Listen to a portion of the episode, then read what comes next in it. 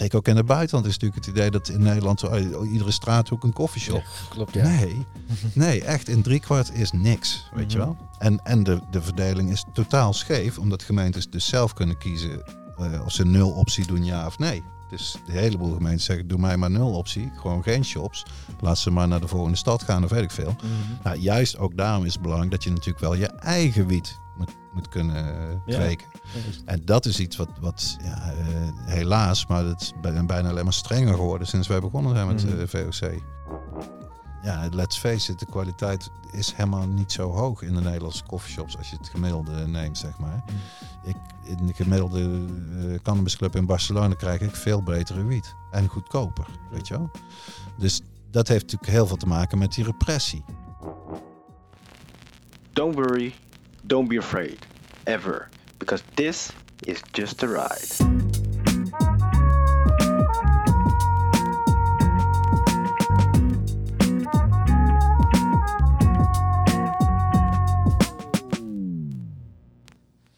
Ja, jongens, daar zijn we weer met een nieuwe aflevering. Vandaag eh, hebben we even een stukje moeten rijden van onze nieuwe gast. Eh, ja, we zijn erg blij dat we hier welkom zijn. Bedankt voor eh, het accepteren van onze uitnodiging. En ja, wil je jezelf misschien even voorstellen voor de luisteraars die, die jou niet kennen? Jazeker. Mijn naam is Dirk Bergman. Ik eh, woon hier in Eindhoven. Welkom hier. Dank in, u. eh, in dankjewel. Eindhoven de gekste. Ja, Slimste regio ter wereld. Eh, ik, ben, ik ben van opleiding journalist en fotograaf. Met als eh, specia- specialiteit al heel lang cannabis, hennep, nationaal en internationaal cannabiscultuur. En ik ben een van de oprichters van de stichting Verbond voor Opheffing van het Cannabisverbod. Waar ik inmiddels ook weer een paar jaar voorzitter van ben. En in die rol ben ik eh, ja, als activist zeg maar, betrokken bij eh, het cannabisverhaal, om het zo maar eens te noemen. Ja. Daarnaast ben ik vader van drie kinderen. En eh, al meer dan 30 jaar getrouwd met mijn vrouw. Kijk eens aan. Ja. Ja. Ja, hartstikke leuk. Nou ja, nogmaals bedankt dat we hier mogen zijn. Ik vind het altijd leuk om ja, altijd bij de mensen thuis te komen eigenlijk. Hè. Dan krijg je een beetje nou, een idee hoe, ja, hoe jouw wereld is eigenlijk een beetje.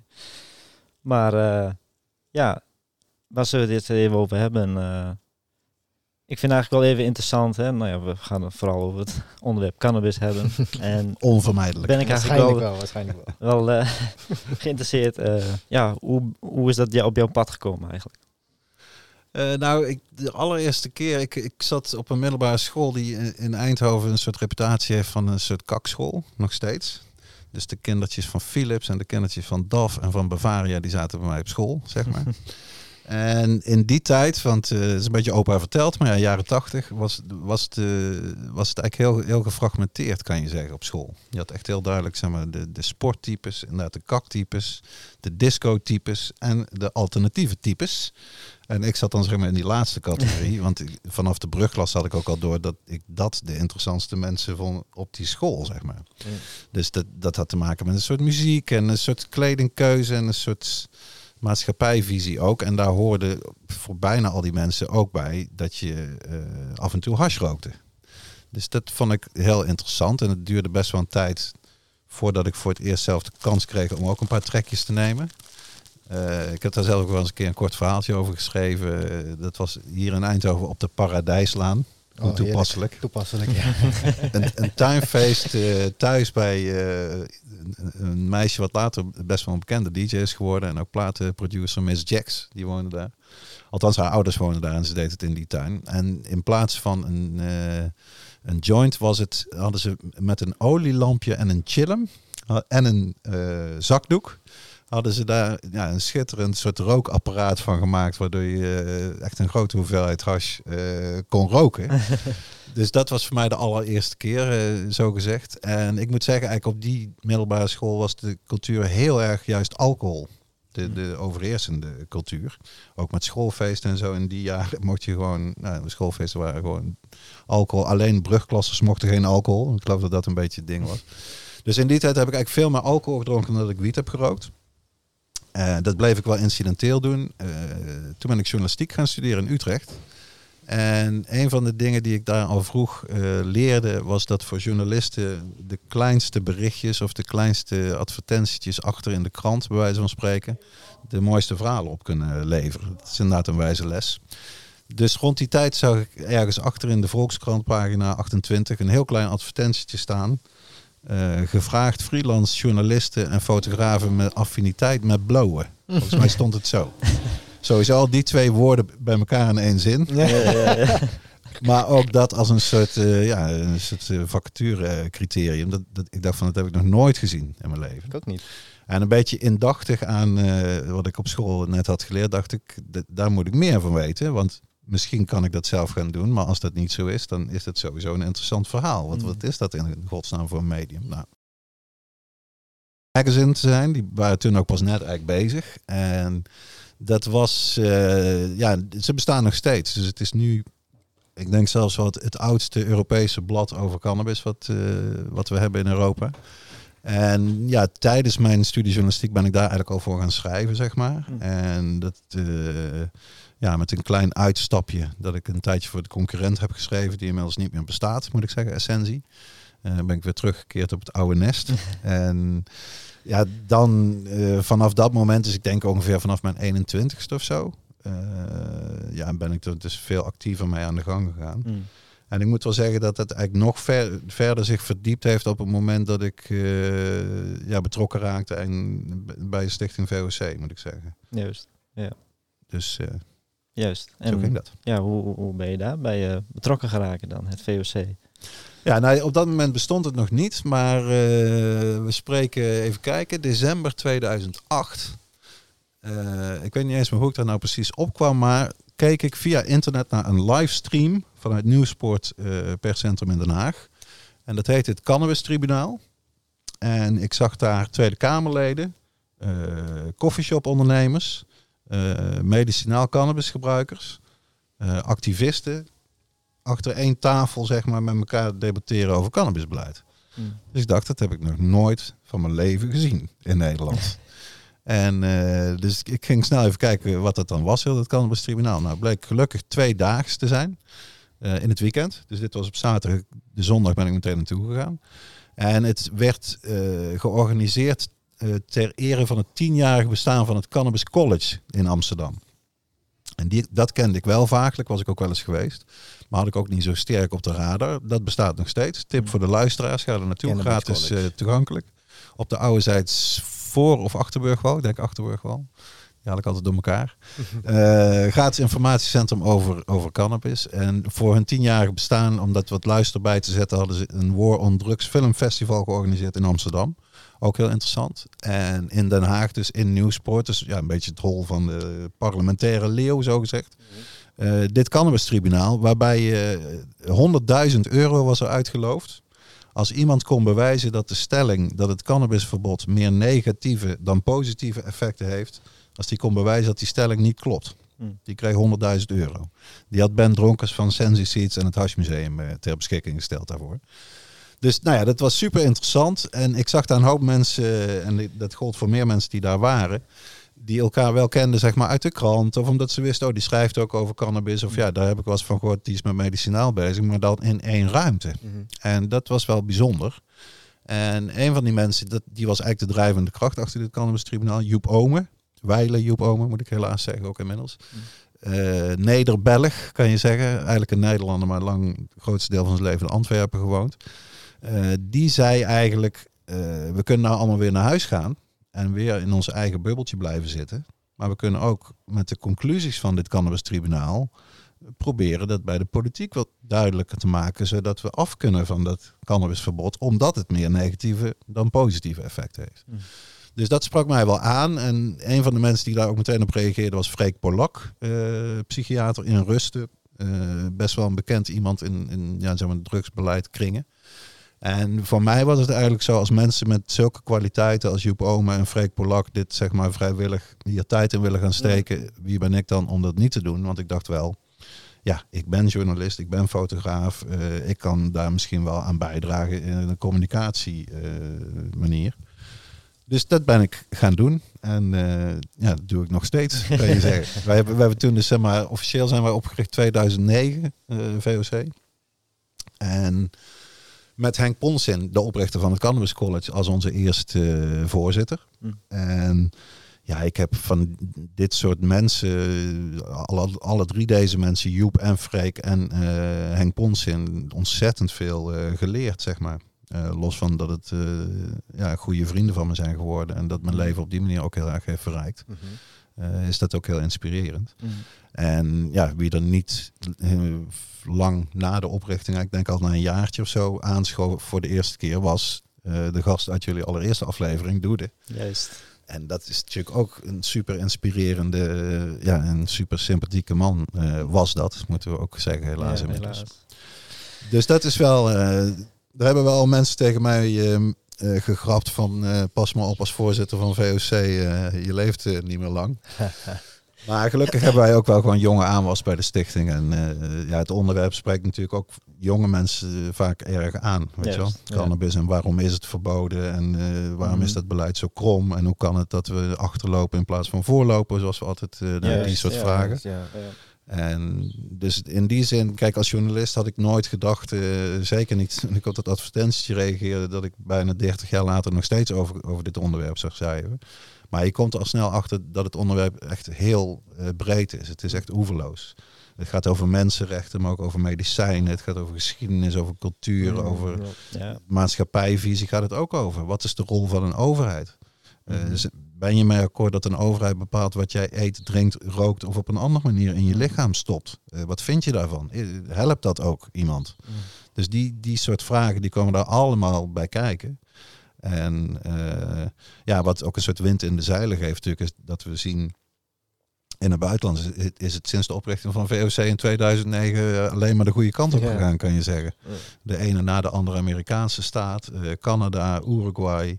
Malta, god betert, eh, Luxemburg komt erbij, weet je wel. Ja. Duitsland gaat nou, eh, als het goed is, legaliseren deze kabinetsperiode. Mhm. Dus waar het in Nederland ploeteren is, nog steeds tegen de stroom in. Ja, Ook ja. met Rutte 4 eh, kabinet is dat internationaal wel eh, beter, gelukkig. Ja, ja, inderdaad. Ja. Oké. Ja, dat is eh, op zich eh, ja, een beetje een activistische rol hè, wat betreft eh, het VOC. Nou ja, kijk, voor mij was het wel een drempel hoor. Daar heb ik ook wel echt een tijdje over nagedacht. Mm. Eh, als journalist werd en word je geacht objectief te zijn. En geen standpunt te betrekken in je verslaggeving, et cetera, et cetera. Dus ik wist wel, ja, als je activist, als je die rol ook aanneemt, dan, dan verandert dat wel dingen. Mhm. Maar ik moet wel zeggen dat ik uiteindelijk, je zag dat ook in die periode meer journalisten dat wel gingen doen. Dat het een bijna een soort moderne manier is ook van journalistiek. Als je, zoals dat bij mij eigenlijk ook was. Ik wist toen eigenlijk al zo goed hoe krom dat beleid was en wat alle negatieve effecten waren van het beleid. Dat Mm. kon ik allemaal zo oplepelen. Want daar had ik al veel research over gedaan, et cetera. Mensen over geïnterviewd. Dat er dan een soort drang komt van Jezus, waarom, waarom eh, pikt de politiek dat niet op? Waarom maken we dit niet beter, wat heel makkelijk Mhm. zou kunnen? Mhm. En daar komt eigenlijk die drive vandaan om te denken, ja, dat wil ik dan toch eh, ook op een activistische manier doen. En daarbij moet ik wel zeggen, kijk, zeker voor de High Life, ja, dat is niet eh, de krant of, eh, of Time Magazine, bij wijze van spreken. Dat is natuurlijk een tijdschrift voor de liefhebber. Gewoon En- echt een niche. Ja. ja, dat is gewoon niche. En Mhm. eh, ook dat heb ik trouwens al op de school van journalistiek geleerd. Eh, was ook een goed advies. Als er maar één ding is waar je iets meer belangstelling voor hebt dan gemiddeld, dan moet je daar gewoon, eh, destijds heette dat dan nog knipselmapje, maar ja, je kan het op elke manier doen. Maar in ieder geval specialiseer je dan ook in dat onderwerp. Mm.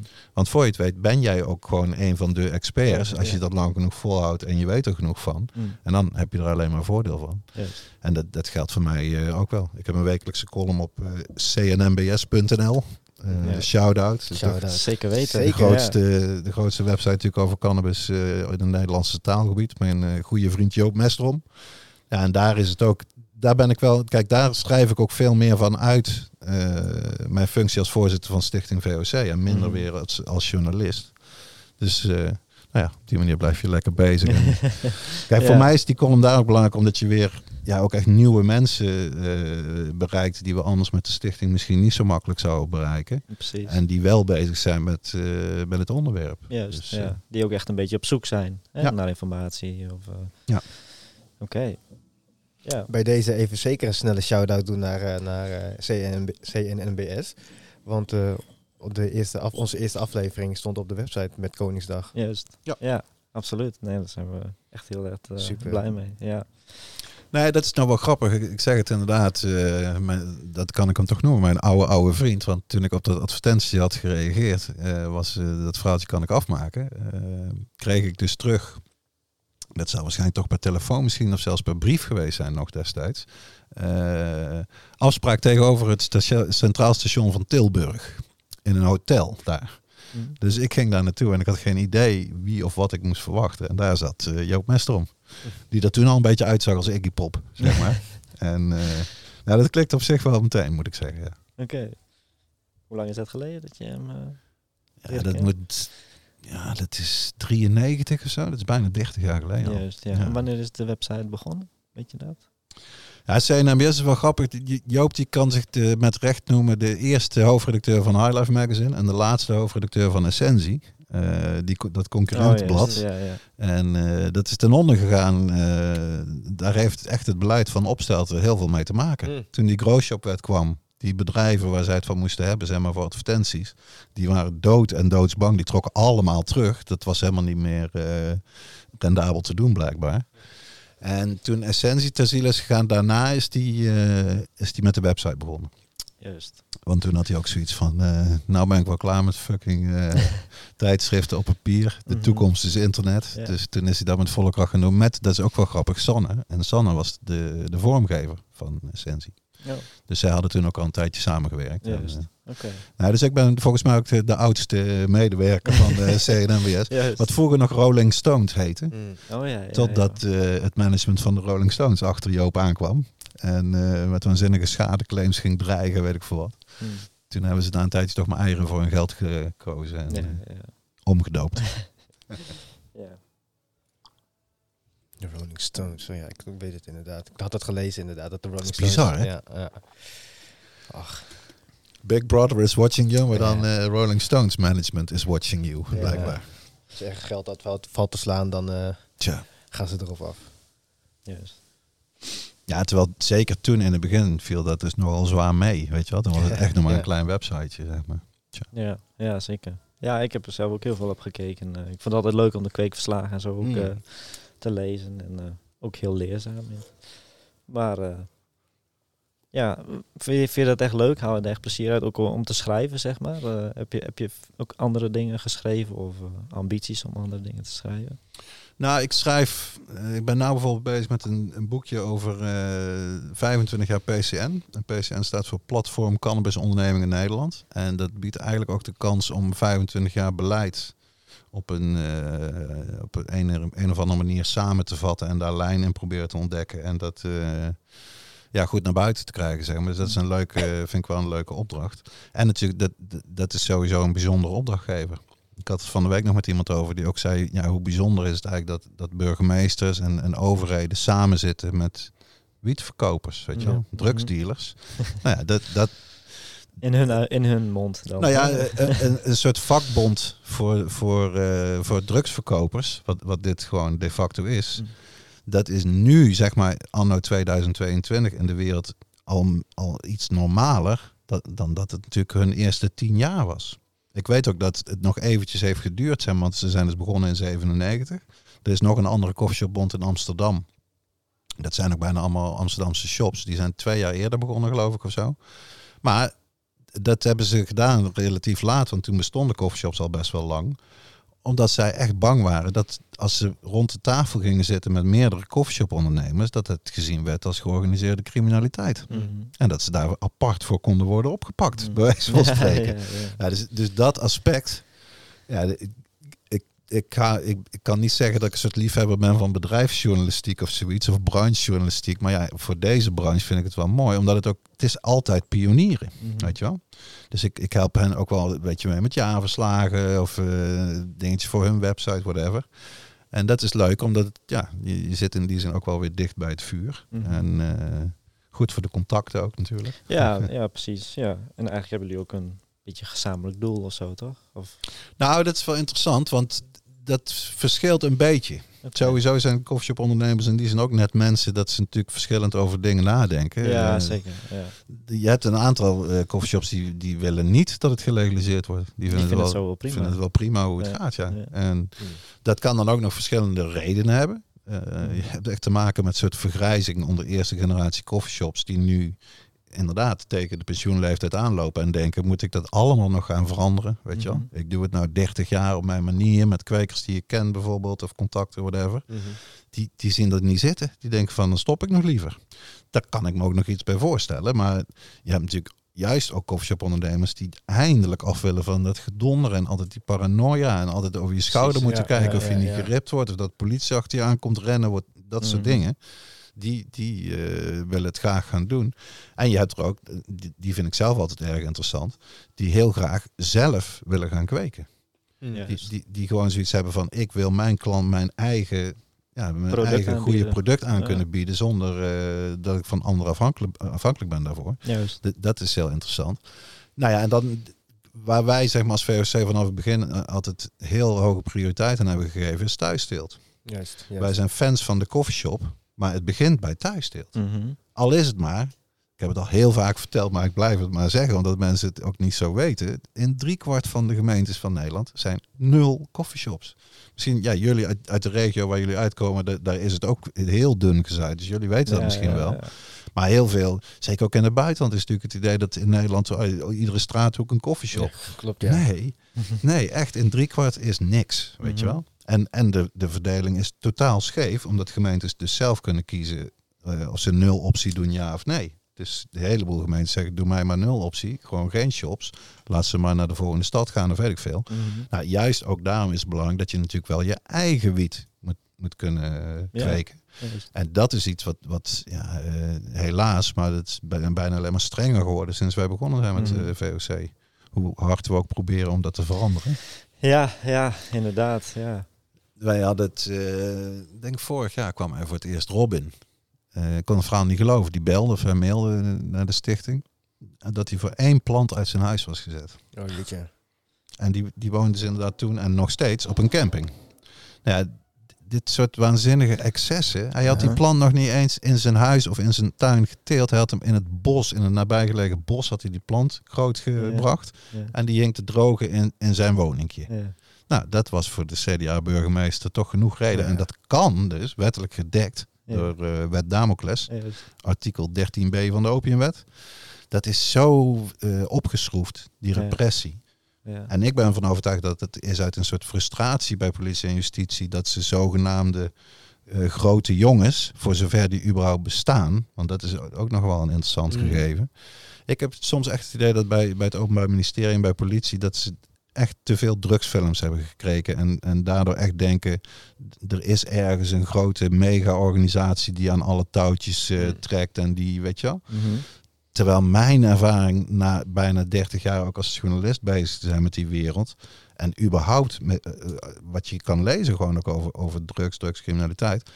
Allemaal heel ad hoc, weet je wel. Natuurlijk is er wel enige mate van organisatie. Maar het is eigenlijk ook gewoon een soort freelance gig-economie. Ook in de drugscriminaliteit, Mhm. weet je wel. Voor een bepaald transport wordt samengewerkt, dan niet meer.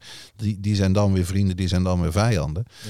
Dus dat, idee, ik denk uit frustratie dat ze die mensen niet kunnen pakken, of dat die mensen niet bestaan, dan kan je ze natuurlijk dan kan je ze echt niet pakken. Nee. Gaan ze, wat de politie zelf ook laaghangend fruit noemt. Juist. De makkelijke eh, dingetjes. ja. Een thuiskwekertje kan je altijd. Zeker als die het buiten een ook nog doet, weet de, je Voor wel? de buitenwereld. Ja, Ja. want het telt mee. Het telt mee voor aantal Ja. kwekerijen. En eh, interessant was, het was nog eh, heel recent in het nieuws dat het aantal opgerolde wietkwekerijen enorm is gedaald in Nederland. Echt, het is volgens mij nog maar een derde van wat het in een piekjaar was. En dan zeggen ze, de politie zegt dan van ja, eh, wij moeten prioriteiten toch eh, wel doen en dit en dat. Soms zijn de hennepteams opgeheven en dan moeten we gaan voor anderen aan. Dat je echt denkt, ja, het zijn er nou nog geloof ik 2200 per jaar. Maar denk daar eens over na. 2200 Ja. keer Mhm. rukt die politie uit. Met vaak echt minimaal vier mensen erbij. Mhm. Vaak ook nog met een facilitair bedrijf wat gewoon commerciële prijzen rekent voor wat ook, weet je wel. Mm. Het aantal manuren, dat wordt allemaal opgeschreven, geadministreerd. Er komen... Wat een ongelofelijke onzin dat we daar in 2022 nog mee zitten, zeg maar. Ja, ja, dat is toch echt bizar. Ja. Ook voor wat voor andere misdaad word je uit je huis geplaatst? Ja, Absoluut. Mishandeling of weet ik veel wat. En om het echt heel Kafkaiaans te maken, noemen ze dat en vinden ze dat blijkbaar ook geen straf, de overheid.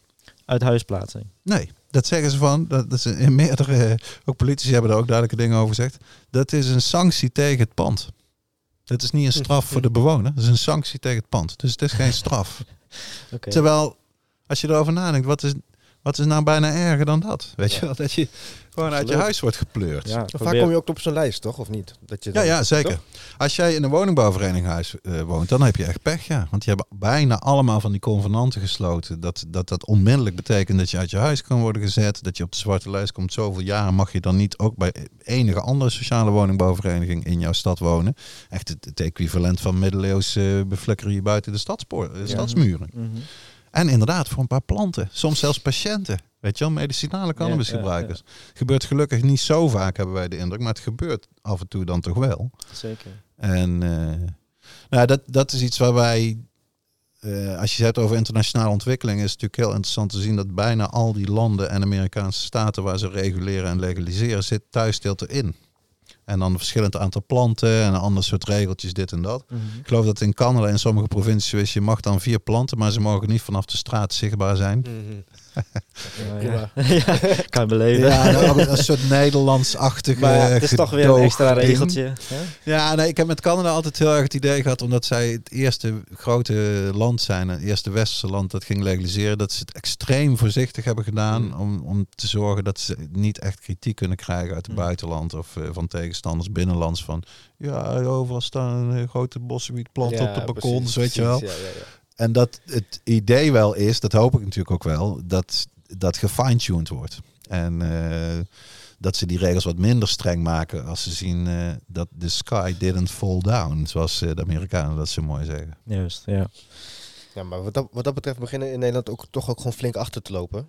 Qua, Ja, het grappige is dat gevoel. ook, daar kan je op twee manieren naar kijken. Het, het, het is, het is feitelijk, is het zo, omdat wij eh, niet zeg maar meer de kant op zijn gegaan van regulering en legalisering, maar van meer repressie en hogere straffen en growshopwet en weet ik wat allemaal. Maar waar we nog steeds uniek in zijn, hoewel we bijna, dat duurt niet, dat duurt echt nog maar heel kort. Nergens ter wereld kan jij, zoals in Nederland, een winkel binnengaan, wiet kopen met alleen, je hoeft alleen maar jouw ID te laten zien. Je hoeft niet lid te zijn of whatever, zoals in Spanje bijvoorbeeld. Mhm. Je koopt die wiet en je kan hem daar ter plekke eh, oproken. Dat, dat is zeg maar nog steeds, dat is nergens. Ook niet in Canada, ook niet in Californië. Want daar, je hebt die dispensaries, zeker, Mhm. voor adult use wiet. Dus het hoeft niet medicinaal, niks. Maar je mag die niet in de winkel eh, oproken. En er is ook niet zo een ander soort horecagelegenheid waar je naartoe kan. Dus daar, Waar je het kan eh, consumeren. ja, en je mag het in je hotel, mag je het niet doen. Het mag vaak niet op straat, weet je wel. Dus Mm. zij zitten nou, dat is ook weer zo'n hele gekke parallele ontwikkeling. Waar wij in Nederland zien dat ook coffeeshops zeg maar, vaker hun consumptieruimte sluiten. Dat heeft meerdere redenen, maar dat is wel een soort trend, helaas, helaas. Mhm. Zie je dat ze juist in het buitenland steeds meer erachter komen dat als jij mensen zeg maar dat toestaat dat ze het kopen, et cetera, en daar ook belastingen over eh, wordt betaald. Ja, dat je dan enige eh, voorziening moet hebben dat die mensen het ook zeker toeristen. Want thuis kan je natuurlijk, als je daar woont, dan, dan ga je natuurlijk thuis die wiet oproken. Maar als jij als toerist daar bent, als bezoeker, ja, wat moet je dan doen? Ja. Dus zij gaan juist in de beweging dat ze richting het coffeeshop concept gaan. Namelijk, je kan er ook een kop koffie kopen en lekker daar zitten en lullen met mensen die ook stoned zijn. Juist. Want Dat, dat ja. is natuurlijk wat zo mooi is. Juist. De sociale functie van de coffeeshop. Ja, ja. Klopt, ja. In Spanje kan je dan, heb je dat bijvoorbeeld inderdaad wel, maar je moet inderdaad wel eerst lid worden. Ja. En ik, eh, ik ben een groot fan, moet ik zeggen, van Cannabis Mhm. Social Clubs in eh, Barcelona. Ik ben ook 100%. lid bij, bij een aantal eh, clubs. Ik was er ook vroeg bij. Maar het feit dat je dat in, in Nederland eh, ook eh, zo anoniem in zekere zin kan doen. En ook meteen. Dat, dat is nog steeds uniek in de wereld. Maar ja, het staat natuurlijk heel duidelijk onder druk. Dat is ook de reden natuurlijk dat wij met, met Stichting VOC zijn begonnen überhaupt. Van er moet nou wel echt een tegengeluid komen. Want dat moet ik zeggen, kijk, die koffieshopbonden bestaan al lang, maar die hebben toch eigenlijk. Ze hebben veel moeite om effectief te lobbyen. En dat heeft veel mee te maken dat ze een ontzettend slechte reputatie natuurlijk hebben bij de overheid. En bij een deel van het publiek ook. Hoewel ik denk altijd meer bij de overheid dan bij het, het grote publiek. Ik denk dat die echt wel gewend zijn aan coffeeshops en wel snappen van eh, dat is eigenlijk helemaal geen probleem. Maar, de, maar ook wel omdat zij eh, de, besturen van die, van die koffieshopbonden, die hebben ook allemaal zelf een koffieshop. Dus die zijn allemaal druk met die koffieshop te runnen. En dat bestuurswerk is een beetje vrijwillig. Dus ze staan eigenlijk al 3-0 achter voordat ze beginnen. En dat is wel jammer, want eh, ja, het is. Ik krijg die vraag ook vaak van buitenlandse journalisten. Hoe kan het nou dat een land wat zo lang heeft voorgelopen nou achterloopt? Nou ja, dat is dus dat is door Nederlandse wetenschappers is dat geformuleerd de wet van de remmende voorsprong. Ja, en dat lijkt toch heel erg hier van toepassing. En eh, een mooie anekdote die daarbij eh, bij hoort bij die wet van de remmende voorsprong, ook omdat, juist omdat het Nederlands is, kan je dat bijna niet eens vertalen in het Engels. Maar een, een, een bekend voorbeeld van dat effect, wat ook genoemd is door die kerel die het heeft eh, bedacht, zeg maar, is dat Londen een van de eerste steden ter wereld was, zo niet de eerste van Europa, met straatverlichting. Dat had toen nog niemand. En dat ging met olielampen. Dus die moesten allemaal individueel worden Ah, ja, opgestoken ja. door de lampopsteker met een lange stok. Mhm. Wat gebeurt daarna? Elektriciteit wordt uitgevonden. De steden die daarna straatverlichting gaan aanleggen, die gaan natuurlijk niet met die olielamp kloten. Die doen gewoon met elektriciteit. Vloep. Je draait aan de knop en ze gaan allemaal tegelijk. Daarna is Londen een van de laatste steden geweest van Europa die is overgestapt op elektrische straatverlichting. En de parallel gaat zelfs zo ver dat je natuurlijk. Er zijn dan letterlijk belangen. Er was ongetwijfeld een bond van eh, lantaarnopstekers. Ja. Mhm. Die zei van nee, doe niet elektriciteit, want we dan hebben we geen baan.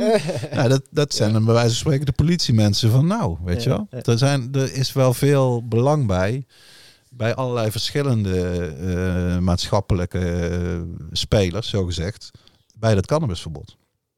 Ik, ik zeg ook heel vaak eh, tegen mensen, ook activisten, je hebt geen eh, complottheorie nodig of geen geheime samenwerking nodig.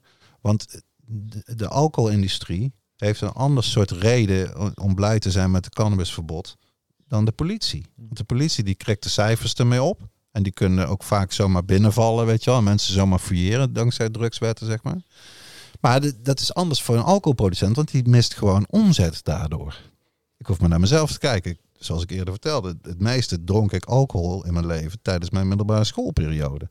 En sinds dat ik dagelijks kan, eh, cannabis kan eh, consumeren, ja, wijntje bij het eten, that's it. Weet je wel, ik, Ja, klopt. waarom zou ik dronken willen Mhm. worden? Nee. Ik krijg maar kater Geen van. behoefte meer hè, aan alcohol. Ja. Nee. Dus het is niet zo dat je helemaal dat je dan nooit meer alcohol koopt. Maar ja, zeker. Ik ben nou 50, wat ik sindsdien zeg maar minder alcohol heb gedronken dan nee, maar gewoon mijn broers bijvoorbeeld. Ja, dat, dan loopt het wel in de papieren voor de alcoholindustrie.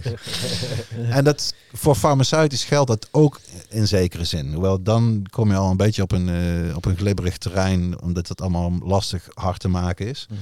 Maar het is wel zo. Het bijzonder, een van de bijzondere dingen aan cannabis is natuurlijk dat je echt je eigen medicijn kan kweken. En eh, als het gaat om dingen als moeite met slapen of chronische pijn, weet je wel. Heel veel mensen zijn mee geholpen. Of je het nou rookt, verdampt of eh, in de olievorm druppeltjes neemt. Dat is iets eh, wat de levenskwaliteit van heel veel mensen enorm verbetert. En dat kan je gewoon op je balkon doen. Of in je kweektentje of whatever. Ja. En dat Hoeft niet veel te kosten. Nou ja, dit, eh, voor mij is dat een beeld wat ik ook altijd voor ogen zal hebben. Is dat inderdaad mijn voorganger als voorzitter van eh, VOC, Henk Ponsin. Die had volgens mij iets met zijn, eh, met zijn heup, heupoperatie gehad. En die kreeg letterlijk een hele zak pillen mee naar huis uit het ziekenhuis. Met pijnstillers. En dan moest hij weer om de effecten van die pijnstillers tegen te gaan weer een ander pilletje bijpakken. En nog een pilletje voor dit en een pilletje voor dat. En hij had het helemaal niet op pillen, want hij was ook gewoon ja, echt een cannabismens, zo gezegd. Dus hij had van zijn simpele Amsterdamse balkonwietje, had hij nooit bijna thee van getrokken. En die, eh, die gebruikte die. En verder gebruikte hij niks. En toen moest hij een maand later of zo op controle komen bij het ziekenhuis. Had hij heel die plastic zak weer meegenomen met al die pillen erin. En had hij tegen die, die, die dokter had hij gezegd, eh, hier heb je het terug. Want ik heb niet nodig. Ik heb mijn eigen cannabis thee eh, gemaakt. Dus die was, misschien ook omdat hij toen al op leeftijd was, niet zo van, "Huh, wat is dat voor flauwekul. Maar die was best wel geïnteresseerd, hoe dan dit dan. Dus dat ging hij vertellen. En voor mij dat beeld, dat je zeg maar, moet eens kijken, de waarde daarvan, Ja. weet je wel? Van die hele zak met, met pillen, die vaak is het hartstikke duur, weet je wel? Dat is een hele industrie die daarop draait. Als jij dat met je eigen plantje en je eigen theetje eh, ook kan doen, da- dan is dat toch een soort bedreiging. Ja. En anderzijds zie je natuurlijk, er bestaan inmiddels twee eh, gepatenteerde medicinale cannabisproducten. Eh, Sativex, een spray voor onder je tong eh, in Engeland. Alle twee zijn ze Engels trouwens. En Epidiolex. En dat is eigenlijk een soort wietolie zou je kunnen zeggen. Dus je ziet dat het, als je heel veel moeite doet en het bijvoorbeeld inderdaad zoals een spray maakt, dan kan je het patenteren en kan je er dus echt geld mee verdienen als eh, farmaceutische industrie. Maar in principe denk ik nog steeds dat zeg maar planten patenteren als zodanig kan, kan eigenlijk gewoon niet. Nee. En de meest effectieve manier is vrij simpel met cannabis om, die stoffen binnen te krijgen. Weet je, om de, eh, ja, welke manier dan ook. Je hoeft daar niet. Een, pil is eigenlijk totale onzin, zou je kunnen zeggen. Omdat het is een enorme omweg om die effecten te kunnen hebben. Ja, Dus precies. in En die zin is eh, het moeilijker. bijwerkingen. ja, in die zin is het moeilijker geschikt voor, voor, voor farmaceutische industrie om daar geld mee te verdienen. Maar goed, dat- dat, geeft een beetje aan. Voor politici is het ook vaak makkelijk scoren. Je het bij ons met christelijke politici, weet je wel. Mooi ook onsterfelijk gemaakt bij, eh, het is het South Park of The Simpsons, weet je wel. Die vrouw die altijd roept, won't someone think of the children? nou, dat werkt voor politici altijd goed. Ja. Ja. Dus die, die hebben ook toch een soort belang dat ze dat kunnen blijven doen, zeg maar. En dus zo kom ik altijd tot de conclusie ja, eh, dat het zo'n taaie materie is. Ja. Dat heeft te maken met die belangen. En ook wel met het gaat zeg maar over heel eh, diepe emoties bij mensen, weet je wel. Angst dat hun kinderen inderdaad in de goot komen. En ook wel angst voor het onbekende. En, en angst voor als je je bewustzijn verandert, wat het dan betekent, weet je wel. Dus Mhm. er zit zoveel toch nog stigma. Beetje onwetendheid eigenlijk ook. hè? Ja, nou ja, wat ik graag mag vertellen. Ik zat een keer in de trein en eh, toen zag ik daar eh, de toenmalige drugswoordvoerder van het CDA in de Tweede Kamer, Wim van den Kamp. Zit nog steeds in het Europarlement voor het CDA. Echt een dino is het inmiddels dus ik dacht van, ah, deze kans die laat ik me niet ontglippen. Ik, ik stap op die man af en ik zeg, mag ik u iets vragen, meneer van den Kamp? Ja, mocht. Dus ik zei, ik, ben, ik schrijf veel als journalist over cannabisbeleid. Waarom is het CDA nou zo tegen cannabis?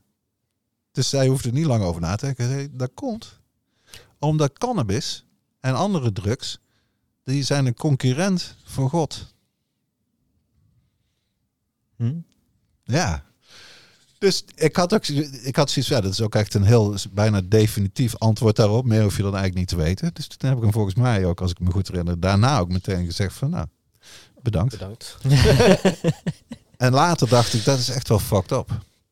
En dan ga je niet winnen. Want dat betekent gewoon eh, inderdaad, eh, je hebt God misschien helemaal niet nodig als je eh, die planten kan gebruiken. Die natuurlijk mensen, laten we wel wezen, al millennia daarvoor gebruiken.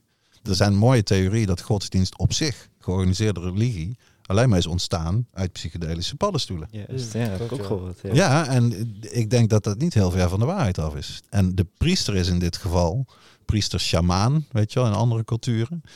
Eh, ja, degene die kan beschikken over die, over die heilige planten. En over die paddenstoelen. En dat sacrament kan eh, uitdelen, weet je wel. Dus dat zijn beelden en, en manieren die zo dicht zitten op wat nou nog steeds gebeurt eh, in de kerk. Hm. Ik ben natuurlijk een katholieke jongen van oorsprong, dus ik weet dat wel. Als je ter communie gaat, krijg je van die priester krijg je iets wat je in je mond moet stoppen. Ja, ik kan me echt wel voorstellen dat dat 10.000 jaar geleden kreeg van de shamaan paddenstoeltje. Hm. Zoals nu natuurlijk ayahuasca in Zuid-Amerika, dat doe je Mhm. ook met een shamaan. Dat doe je ook met iemand die de Ja. ceremonie leidt en die jou Ja, eh, die spirituele reis laat maken als het ware. precies. En het is ook eh, volgens mij om iets te leren, toch? Niet meer, Ja, hè, niet meer de effecten of zo, maar dat je- Ja, dat is, dat is heel interessant natuurlijk met psychedelica. En in die zin, eh, ik heb altijd cannabis wel gezien als zeg maar, een heel licht psychedelisch middel. Mhm. Waar, waar dan zeg maar paddo's en LSD, dat zijn veel zwaardere eh, psychedelische middelen. Maar een klein beetje dat effect heb je, zodat dat voor mij ook, eh, ja, daarom is het denk ik mijn drug of choice, weet je wel. Het is niet overweldigend, maar het is wel ja, net Mm. eventjes andere associaties en een ander eh, perspectiefje misschien. Mhm. Klopt, andere manier van denken. Ja. ja. Zeker, dat kan ik ook wel beamen. Maar eh, ja. Heb je er veel ervaring mee met andere psychedelica? Of? Niet veel, wel met paddo's een beetje. Maar dat is daar ook weer zo mooi aan. Ehm, dat werkt op zo'n andere manier. Ik denk ook de laatste keer dat ik paddo's heb gedaan is jaren geleden. Hmm. Ik heb er nog wel een paar liggen. Dat is eigenlijk ook weer zo typisch. Dat zou je met wiet ook minder hebben, weet je wel. Dan denk ik van, ja, ik wil toch oproken. Maar die paddo's is meer ik Ik denk, kan nog nou, wel even blijven liggen. ja, als ik weer een keer Als een ik trip wil doen, ja, dan, ja. dan kan ik het doen. Mhm. En eh, dat werkt dan op die manier. Maar voor mij, ik heb er alleen maar eh, goede ervaringen mee gehad. Ook heel veel gelachen altijd met Ja. eh paddo trip. Ik heb, en ik heb één keer LSD gedaan en dat was minder. En, althans, het was geen vervelende ervaring, maar minder overweldigend als ik misschien had verwacht. En daarvan heb ik later wel begrepen. Toen hadden we, denk ik, met onder andere met Joop, notabene. Daar is die weer. Hey Joop. En de andere rode draad zo. gezamenlijke, gezamenlijke vriend van ons. Maar we hadden alle drie van tevoren gebloot. En daarvan heb ik later wel eens gehoord van echt ervaren psychedelica mensen dat dat niet slim is. Dat je Ja. het dus juist eigenlijk meer op nuchter moet doen. Dat je anders het effect eigenlijk dempt voordat je begint. Mm, En ik denk dat dat bij mij een beetje aan de hand was. Maar eh, Good to Ja, know, good to know. Ja, nou ja, the more you know. Nee, maar het is voor, voor mij is het eigenlijk zo, die, die, die planten heb ik genoeg aan. Voor een heel groot deel, weet je wel. Zeker. Dus eh, Ja, daar heb je zeker. ook zo'n ruime keuze in.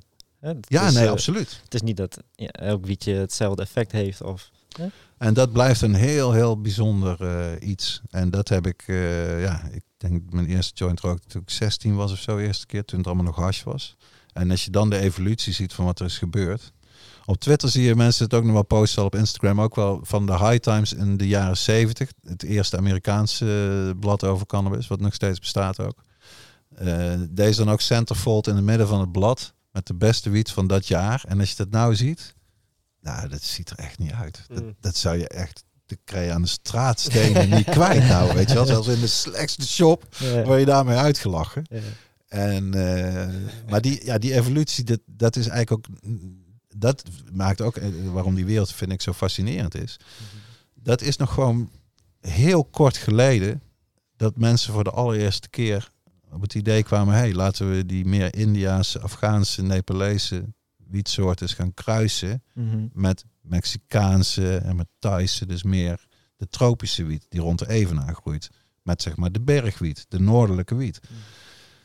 Ja, dat, dat is de hele moderne cannabiscultuur. Al die soortjes die je in de koffieshop op het menu ziet of die je bij Zadenbank kan komen, dat is allemaal dat. Mm.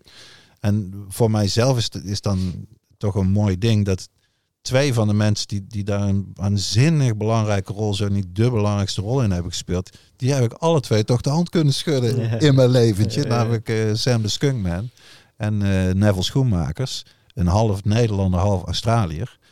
Ja, dat, dat, dat, die cultuur vind ik geweldig. Dat mensen, eh, het bekende verhaal ook van Ben Dronkers, of tenminste bij veel mensen wel bekend van Sensi Seeds, dat hij, toen het nog oorlog was in Afghanistan met de Russen, dat hij gewoon ook dwars door de frontlinie heen ging reizen in zijn eentje, om Afghaanse cannabiszaden te bemachtigen, zo- zodat hij daarmee kon kruisen en die kon verkopen zijn in Nederland Ja. voor, voor bijzondere wiet. Dedication. Ja, dat zijn toch wel heel mooie, mooie dingen. Ja. ja, absoluut. Zeker. Want hash bestaat natuurlijk al heel erg lang. Maar de moderne hybrides, daar zitten, zoals bij alles, zitten ook weer natuurlijk schaduwkanten aan. Hè? Dat, ik las laatst ook weer een erg goed artikel over van eh Todd McCormick, denk ik. Dat je nou ziet, en dat, dat zie ik ook met ledenogen aan, waar bijvoorbeeld in Marokko altijd gewoon Marokkaanse eh, rassen eh, werden geplant. Wordt daar nou gewoon westerse hybride zaden in opdracht van Nederlandse, vooral Amsterdamse coffeeshops, daar gezaaid. Du- Dus dan heb je daar ook je diesel en je weet ik veel wat. Terwijl het mooie was juist, hè, die hash is ook bijzonder, die verscheidenheid. Ja. Ja.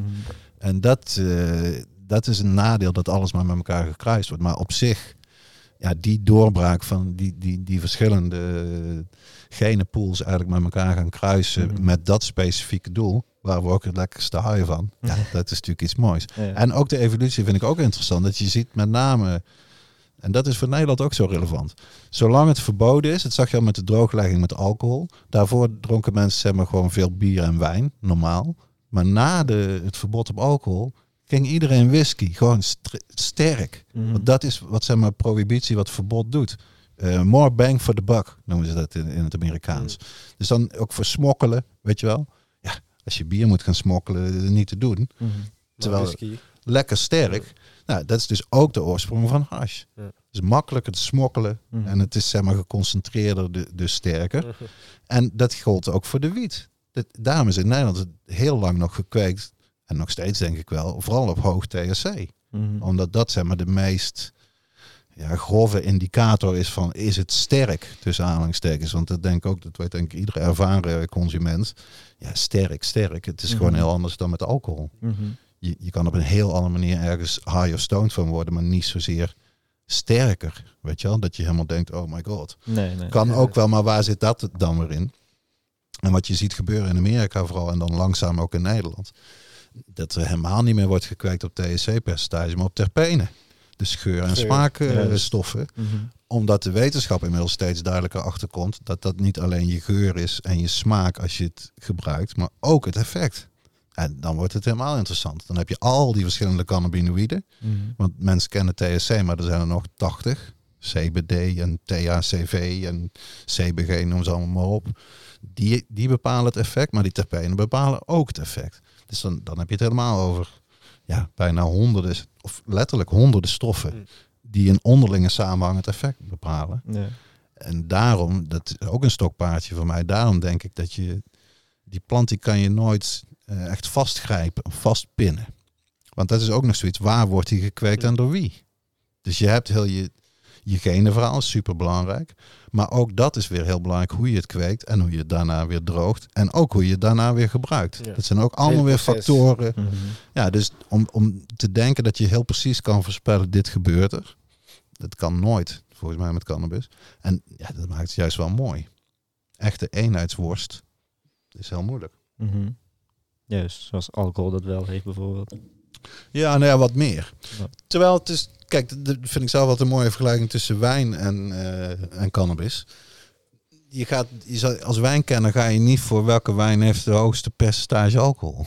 Nee, je gaat echt voor hoe smaakt het. Dus in zekere zin ook voor, voor terpeen en zeg maar, voor de hele beleving van die wijn. En dat is wel iets, eh, ja, dat, dat, dat zou voor cannabis natuurlijk ook moeten gelden. Mhm. Hoewel je wel ziet, dat weet ik dan ook van mensen die in coffeeshops werken of gewerkt hebben, een heel groot deel van de klanten in de coffeeshop die vragen wel degelijk, geef mij het sterkste. Maar dat, dat, dat, is voor me, dat is ook een stokpaardje voor mij. Consumenten zouden meer hun best moeten doen, Mm. weet je wel. Dat is ook een van de redenen waarom ik ook zelf een podcast maak, uh, hitpodcast.nl, Juist. over cannabis, om die, om die cultuur te, te verspreiden, om mensen een beetje bewuster te maken van, Mhm. het gaat helemaal niet om. Dat is zeg maar een soort alcoholmanier van, van cannabis consumeren. Wat is het sterkste? Nee. Wat is het lekkerste? Wat past het best bij je? Mhm. Waar voel jij je het beste door? Mhm. Want dat, dat is wat zo interessant is met die, met die terpenen en al die Mhm. cannabinoïden. Waar ik me heel lekker bij voel, hoef jij je niet lekker bij te voelen en andersom. Heel persoonlijk. Het kan bijna zo zijn waar ik van in slaap val, kan jij actiever juist van worden. Ook dat, nou ja, en dat, maar dat is wel, vind ik altijd een mooie zoektocht.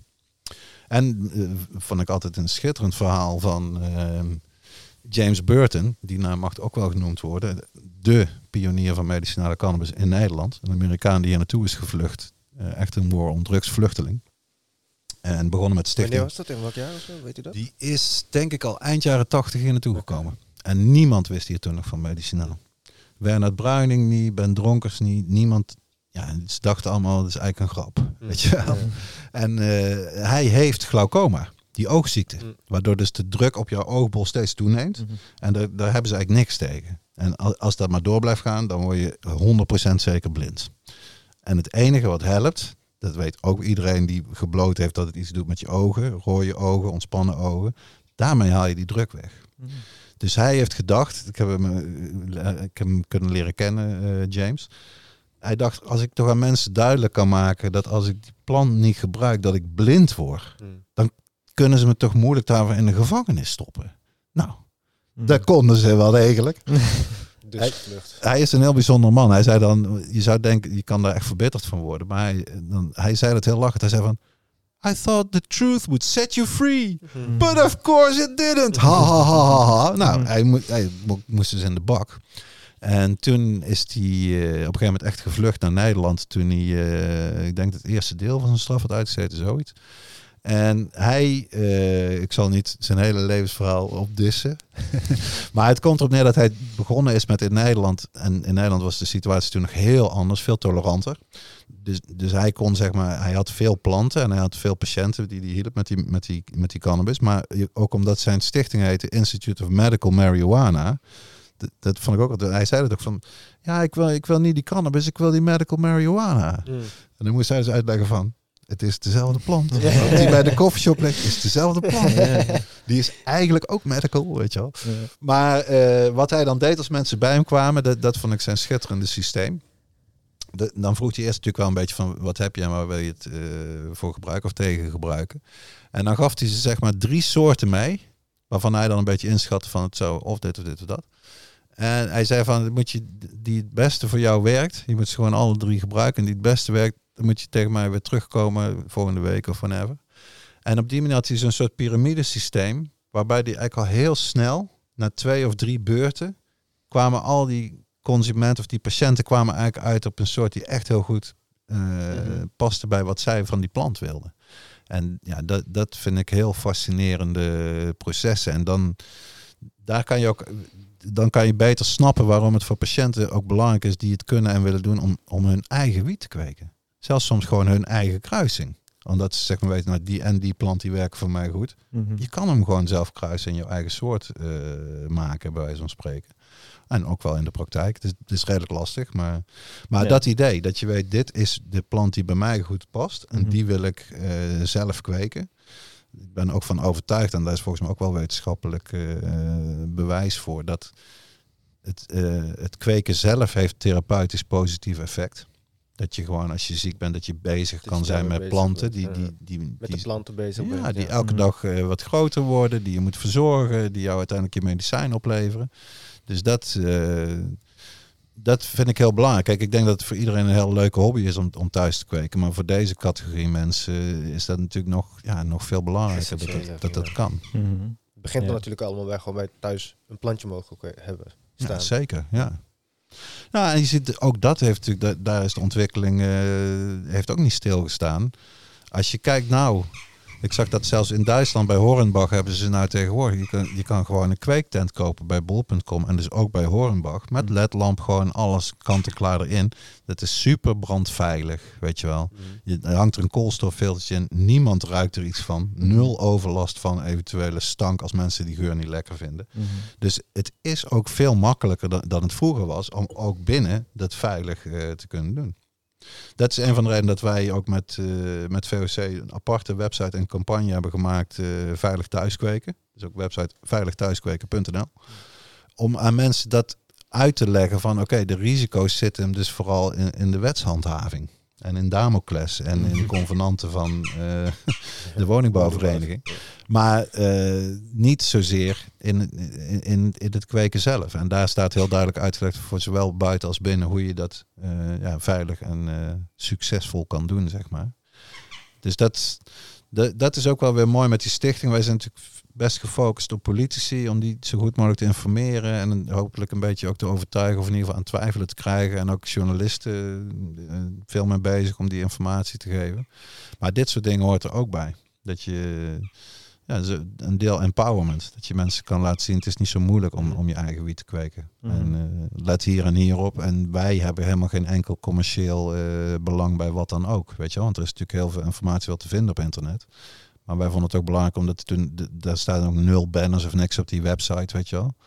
Dat je, ja, dat je een simpel overzicht hebt.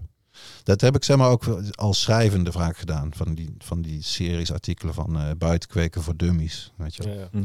En eh, een uitspraak die ik daar dan vaak bij aanhaalde was ook zijn, in ieder geval een Nederlandse legend. eh, Kees Hoekert van de Lowland Weed Company. Die al in de jaren 60 in Amsterdam bezig was met eh wiet kweken en ook stekjes maken. En die verkopen voor een gulden per stuk, geloof ik, of 50 cent per stuk. Mhm. En die had dan ook ik denk dat het een interview was met hem of zo. En eh, het zal in het parool geweest zijn. En de kop was, het is zo eenvoudig. dat sprak mij enorm aan. Want het is eigenlijk ook wel zo. Je kan het in zekere zin zo gek maken als je wil. Mhm. Maar eh, inmiddels heb ik misschien wat groenere vingers. Maar ik ben echt van overtuigd. Iedereen die kan dat wel. Je moet gewoon goed kijken naar je plant en, en niet verwaarlozen. Mm. Als je zo begint, dan, Mhm. dan kom je vanzelf een heel eind. Is mijn ervaring. Ja. Juist. Ja, aldoende leert men. hè. Zo is het. Juist. Ja, we zijn er net een beetje overheen gegaan, maar eh, ja, ik denk altijd soms van eh, hoe, hoe de natuur het bedoeld heeft. Hè? Zo hoort het misschien te zijn. En je zei het zelf ook al dat, eh, dat de wiet heel erg veranderd is hè, door middel van kruisingen. En eh, ja, hoe, hoe, hoe denk je daarover? Is, het, is dat nog steeds dezelfde plant? hè? Eh, of is het echt zo genetisch Hmm. veranderd? Dat is een goede vraag. Ik denk dat het nog steeds wel dezelfde plant is. En Mhm. dat het, dat hoort heel erg bij de, bij de mens. Precies, en dat het ook de mens dient eigenlijk. Een beetje. Ja, als je kijkt naar wat hoe de appels eruit zien. Eh, wortels is ook altijd zo'n mooi voorbeeld, weet je wel. Dat wortels oranje zijn. Ja, Mhm. dat zijn ze echt niet van nature hoor. Mm. Nee. De, de wortels die waren bruin en Paars, donkerpaars en zwart en weet ik veel. Ja. Dat is met heel veel moeite steeds gekruist en veredeld om, om dan die oranje kleur te krijgen, dat die helemaal oranje is. Ja, Maar ja, het is nog steeds een wortel, weet je wel. Het blijft een wortel. En ik ben, over- kijk, ik, ik weet inderdaad met, met landrassen, met eh, ja, dat, dat soorten echt kunnen verdwijnen, zeg maar, omdat, alles, want dat is in Marokko, kan je dat ook voorstellen, die velden daar, eh, de wiet die voor de hash wordt verbouwd, Mm. ja, eh, die bestuiven ook gewoon andere velden van mensen die nog wel met landrassen bezig zijn, bij wijze van spreken. Tenzij ze misschien feminized zaad gebruiken, maar dat weet ik eigenlijk niet zeker. Zou natuurlijk kunnen. Juist, ja. Maar dat, de- daar zie ik inderdaad natuurlijk wel dat, dat dat problematisch kan zijn. Maar mijn enthousiasme over nieuwe soorten. Mhm. eh, ik zit al jaren, ik mag al jaren meedoen in de jury van de High Life Cup, de, de oudste wietcompetitie van Nederland. Ja, en dat is toch wel bijzonder om gewoon te zien hoe die smaken zijn veranderd. En ook gewoon hoe, hoe wiet eruit ziet zelfs. Sommige van die buds, ja, het ziet er gewoon prachtig uit. Met Mhm. paars en oranje, geel, Mhm. Ja, kleurexplosie, Ja. weet je wel. ja. En voor mij is dat ook wel een soort bewijs. Dat komt eigenlijk allemaal uit Amerika. Die soort nieuwe, ge- al die dessert strains bijvoorbeeld. Hmm. Gelato en sherbet en biscotti, alles wat je, wat je krijgt. Ja, dat zie ik allemaal als een soort dividend van legalisering. Want dan kan je gewoon veel serieuzer en op grotere schaal en veel systematischer gaan kijken van hoe krijg ik echt een nieuwe bijzondere smaak? Hoe krijg ik die zaden stabiel? Dat is ook altijd heel belangrijk, weet je wel. Want het is niet zo simpel. Misschien helaas dat als je die twee planten kruist, hup, dan heb je meteen zaden en dat is einde verhaal. Nee. Nee, je moet er echt, eh nou tuinbouw in Nederland, wij hebben daar natuurlijk superveel kennis over. Je moet die stabiel zien te krijgen, zodat elke keer dezelfde plant min of meer eruit komt. En Hmm. dat eh, is best een ingewikkeld proces. Maar ik vind dat vooral mooi, moet ik zeggen. Zoals ook natuurlijk die concentraten er helemaal bij zijn gekomen. Dat, eh, Ja, klopt. ja, ik denk Ja. dat ik voor het eerst gedapt heb. Nou, dat is ook zes, zeven jaar geleden misschien of zo. Relatief kort geleden. Ja, dat vind ik ook een interessante ontwikkeling. Dat je daar ook weer aan, want als je, als je dan hebt over smaak. Ja, goede moderne concentraten. Dat is weer een, een hele smaakbeleving op zich. Ook omdat je anders met dabben, omdat je ook eigenlijk verdampt in plaats van verbrandt. Haal je ook alles binnen, zeg maar. Er gaat niks verloren.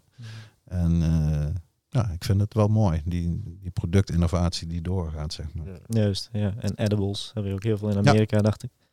Ja, en het begint nou ook in Nederland. En ook hier dat wordt gewoon de deksel heel erg opgehouden. Het mag officieel, eh, en zelfs in de meeste gemeenten mag volgens mij helemaal niks qua edibles. En in een paar gemeenten, inclusief Amsterdam, mag dan space cake. En dat is tot aan de Hoge Raad is dat uitgevochten. En dan moeten er geloof ik ook plantresten, eh, of hoe zeggen ze het nou? Het moet in ieder geval op een, ja, de ouderwetse space cake manier gebakken worden. Mm. En het stomme is daar ook weer van. Met mijn eigen vrouw heb ik daar persoonlijke ervaring mee. Daar kan je nou makkelijk van uitgaan, omdat het heel lastig is om te doseren. Doseren. Zo'n plak, weet je wel. Je eet zo'n plak op. Ja, het duurt een tijd voordat het überhaupt aanslaat, weet je wel. Dus vergeleken met in Amerika die modernere edibles ook, die gummy bears of Ja. hard candy, eh, of nee, chocola heb je natuurlijk heel veel. Waar gewoon heel duidelijk op zit, dit is 0,25 milligram THC in dit blokje. En voor experienced users dit en voor moderate use dat, dan weet je dat gewoon. Mm. De, en de- je krijgt van die dingen, dat vind ik ook altijd zo mooi in Amerika. dat ze meteen een slogan aanhangen. Start low, go slow. Mm. Met edibles. Ja, dat is, ja. dat is slim. Je kan het onthouden. Dat is nou harm reduction. Weet je wel? Voor mensen die allemaal niet zo weten hoe het zit. Ja, start low, go, Go slow. Goed informeren. Zo simpel, Ja. zeker, ja. En dat, dat zijn superbelangrijke dingen die in Nederland... eh, dat is ook zoiets. Niet alleen zit in driekwart van de gemeente nul coffeeshops. Het aantal coffeeshops in Nederland is enorm gedaald. Met meer dan 40 procent. Het waren er meer dan 1500. Het zijn er nou nog uit mijn hoofd 600... Nee, 575 denk ik. In, in wat voor tijdsbestek eh, praten we dan? Sinds midden jaren 90, toen waren er 1500. En ik heb het idee dat, daar dat daarvoor, de piek, dat het nog meer dan 1500 is geweest. Eerder naar 2000, zeg maar, veel Nederland. Nou, sindsdien is onze bevolking enorm gegroeid. Dus het aantal toeristen, in, in ieder geval ook in Amsterdam, enorm gegroeid. En het is alleen maar gedaald. Ook Amsterdam, ik heb het van de week nog een keer opgezocht voor een stuk. Die hadden meer dan 400 coffeeshops. Die hebben er nou nog 165. Meer dan de helft hebben ze al weggehaald. En op de, op de wallen hebben ze er 26 weggehaald. En nou is het van... Ja, er staan allemaal rijen voor de koffieshop. eh je moet meer koffieshop sluiten. je Moet toeristen eh, weren. Het is, het is zo dom allemaal. Ze hebben het allemaal zelf, eigenlijk bijna allemaal zelf veroorzaakt. Weet je wel? Ze storen zich nou aan dat er op straat zoveel wiet wordt gerookt. Ja, het is zo druk in die koffieshops. Dat, dat, ze, dat je kan daar bijna niet blijven zitten. Überhaupt niet om daar je joint te roken. Want er staat gewoon slingerde slanger als in de Efteling een hele rij in die shop. Weet je wel? Ja. Zelfs in, in, in steden buiten Amsterdam heb ik het ook al gezien. In Mm. Tilburg en in andere steden. Ja, die, die kunnen die consumptieruimte bijna niet eens meer hebben. Nee. Dus de grap is natuurlijk voor, voor Amsterdam, als je iets wil oplossen daar, moet je dus meer coffeeshops. En zou ik als gemeente zeggen, zorg dat je wel een consumptieruimte hebt. Dan hoeven mensen niet op straat staan te blowen, Ja. want vinden andere mensen misschien niet zo lekker ruiken. Niet zo super moeilijk, toch, Femke Halsema? Nee, ik denk- Nee, luister even mee. Ja, want ze is het echt van plan. Hè? Het lijkt toch. Hoewel ze geven nou een beetje dubbele signaal af, maar tot nu toe lijkt het alsof zij dit echt wil doordrukken voor Amsterdam. Ja. Toeristenverbod. Ja. Net als eh, in Maastricht. Hoe is mogelijk? hè? Ja, ik vind het ook. Ik vind het ook een beetje exemplarisch van dat ze echt typisch Amsterdams. Dat kan niet anders. Nauwelijks buiten de stadsgrens van Amsterdam kijken. Mhm. Want of het nou hier in mijn eigen stad is Eindhoven, maar er zijn er nog veel meer voorbeelden van eh, te vinden. Die zijn echt gestopt met die flauwekul, omdat het gewoon dealerfeest is. En omdat Ja. juist, dat gaat in Amsterdam als ze het doen ook spelen, juist kwetsbare jongeren, die, voor die is het lekker makkelijk geld verdienen op straat. Ik weet nog toen ze dat pas hadden ingevoerd hier in, in Brabant, eh, Limburg en Zeeland. Ook, ook zoiets. Zeeland? Het, het, was, het, nou, het was gewoon net eh, de, de oude tijd van de generaliteitslanden. Dat wij zeg maar, hier gediscrimineerd werden. Wij hadden hier alvast die regel. En later zou het misschien in de rest van Nederland. Dat, dat ik hier ook dacht in Brabant zelf van... What the fuck? Hoezo? Wij hebben nou al die regel en jullie krijgen hem misschien later een keer. Ja. Maar goed, die, die zijn er vrijwel allemaal van teruggekomen. Zelfs Vlissingen onlangs. Nou, dat is niet de meest progressieve drugsgemeente van Nederland. die zijn ook gestopt met handhaven van, die, van het toeristenverbod. Omdat het gewoon een domme maatregel is.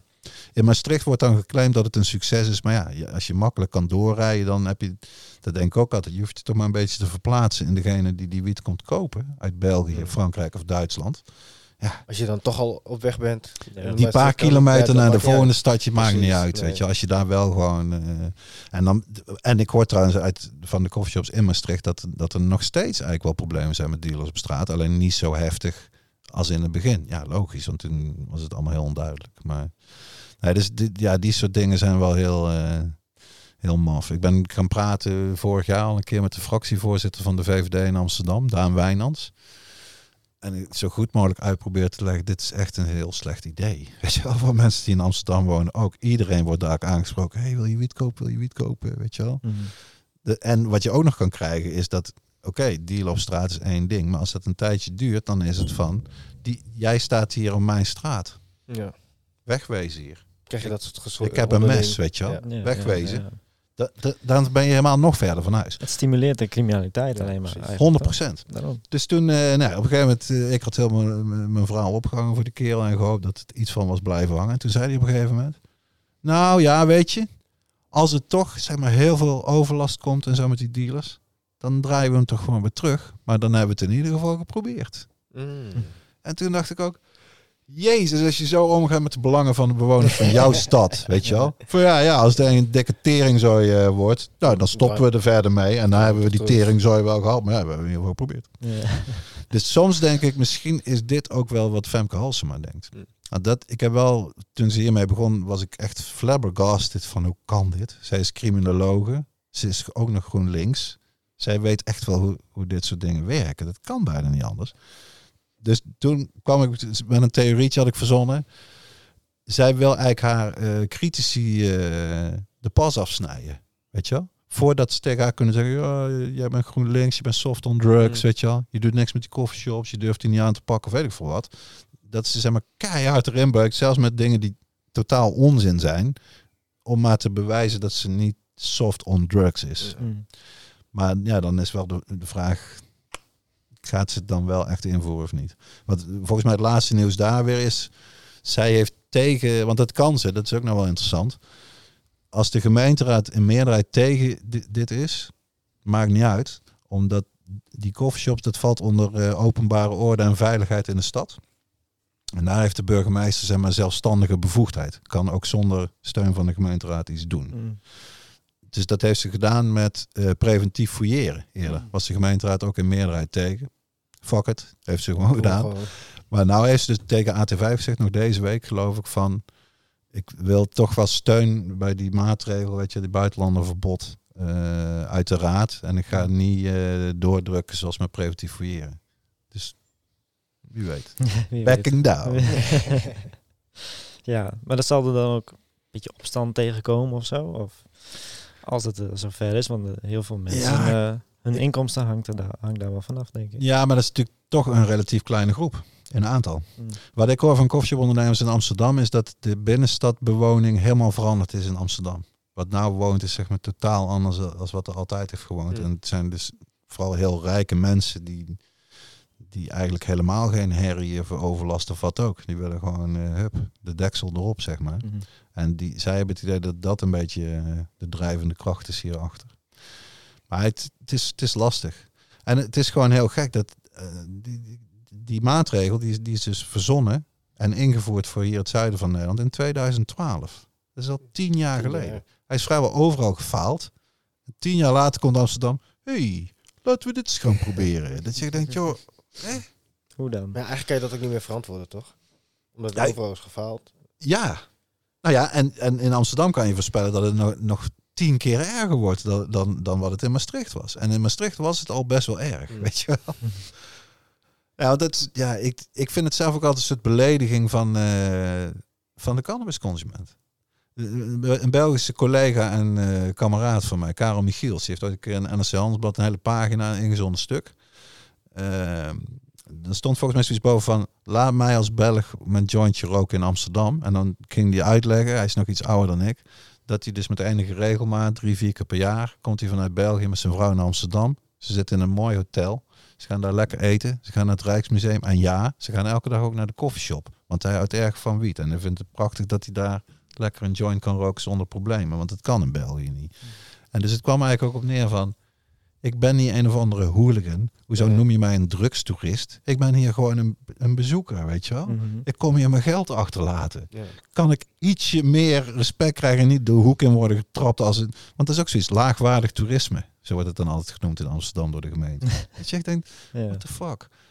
Ja, natuurlijk zullen er een paar mensen zijn die, die helemaal tot een gaatje gaan, weet je wel. Zoals alle Nederlanders, zeg maar, in eh Salau en eh, aan de Costa Brava doen in Spanje. Die, die gewoon vooral bezig zijn met heel veel zuipen en, en kotsen en, en vervelend zijn. Ja, die zal je best een paar hebben die Ja. ook in de koffieshop komen. Maar ja, ik kom natuurlijk nog alles regelmatig, ook in Amsterdam. En dan zie je gewoon... Zo Het is, het is zo super divers. Zo divers, ja, mensen hebben geen idee wat allemaal binnenkomt. En zo'n, vaak tenminste, zo'n soort cliché van eh, ja, een beetje het slechtste. En ik heb zelf gezien, met VOC hebben we natuurlijk tien jaar lang eh, elk jaar Cannabis Bevrijdingsdag festival georganiseerd in Amsterdam. Daar heb ik het zien gebeuren. Dat gewoon fotografen of cameraploegen, die kwamen dan het veld op. We hebben in het Westerpark gedaan en in het Flevopark eh, de laatste jaren. En dan zag je ze gewoon het hele veld zo spotten. Nou, waar gingen ze dan naartoe lopen voor het shotje te maken?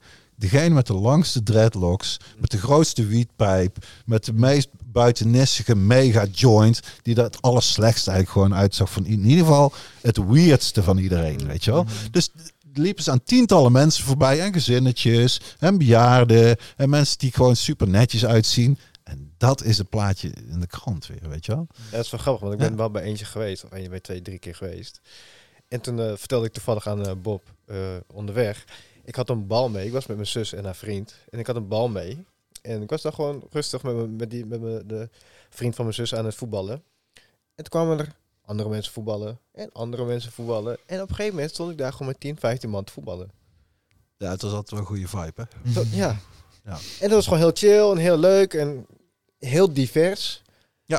Daar ben ik ook wel trots op. Want ik heb ook negen jaar eh, geprogrammeerd, zeg maar.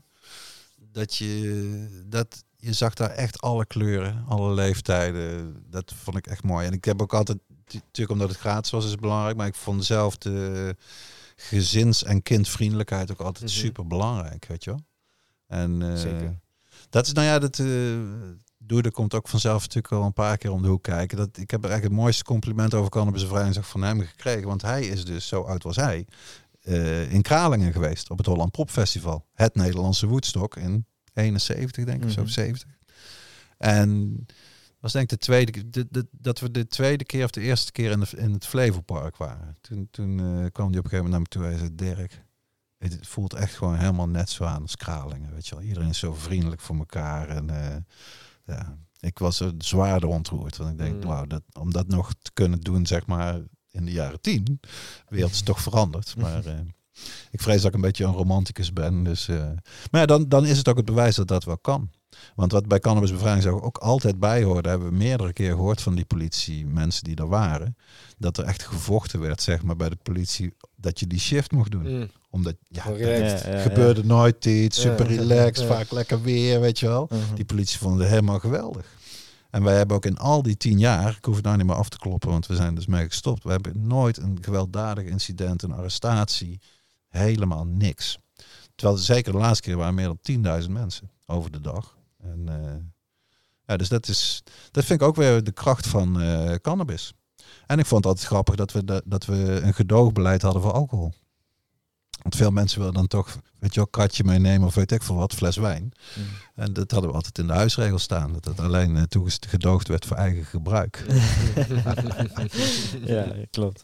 Heerlijk. Dat is toch altijd met eh cannabisconsumenten en alcohol. En dat gaat vaak niet. eh, Ja, nee, je hebt sommige mensen die er wel bij zweren of die het een lekkere goede combinatie vonden. Maar wij hebben vanaf het begin gezegd, we verkopen geen alcohol Mm. op cannabisbevrijdingsdag. En, eh, juist ook omdat sommige mensen, eh, inclusief Jeroen Pauw, heeft hij me wel eens verteld, daar gaan ze echt bad op. Mensen die veel meer gewend zijn alcohol te drinken en die dan zeg maar juist als ze dronken zijn denken van oh, nou neem ik ook een keer zo'n eh, Ja, sigaretje. Ja, Mhm. dan uh, je krijgt een bad trip of je moet kotsen of weet ik veel wat. Ja, want ik heb één keer, er was denk ik nog Pauw en Witteman tijd.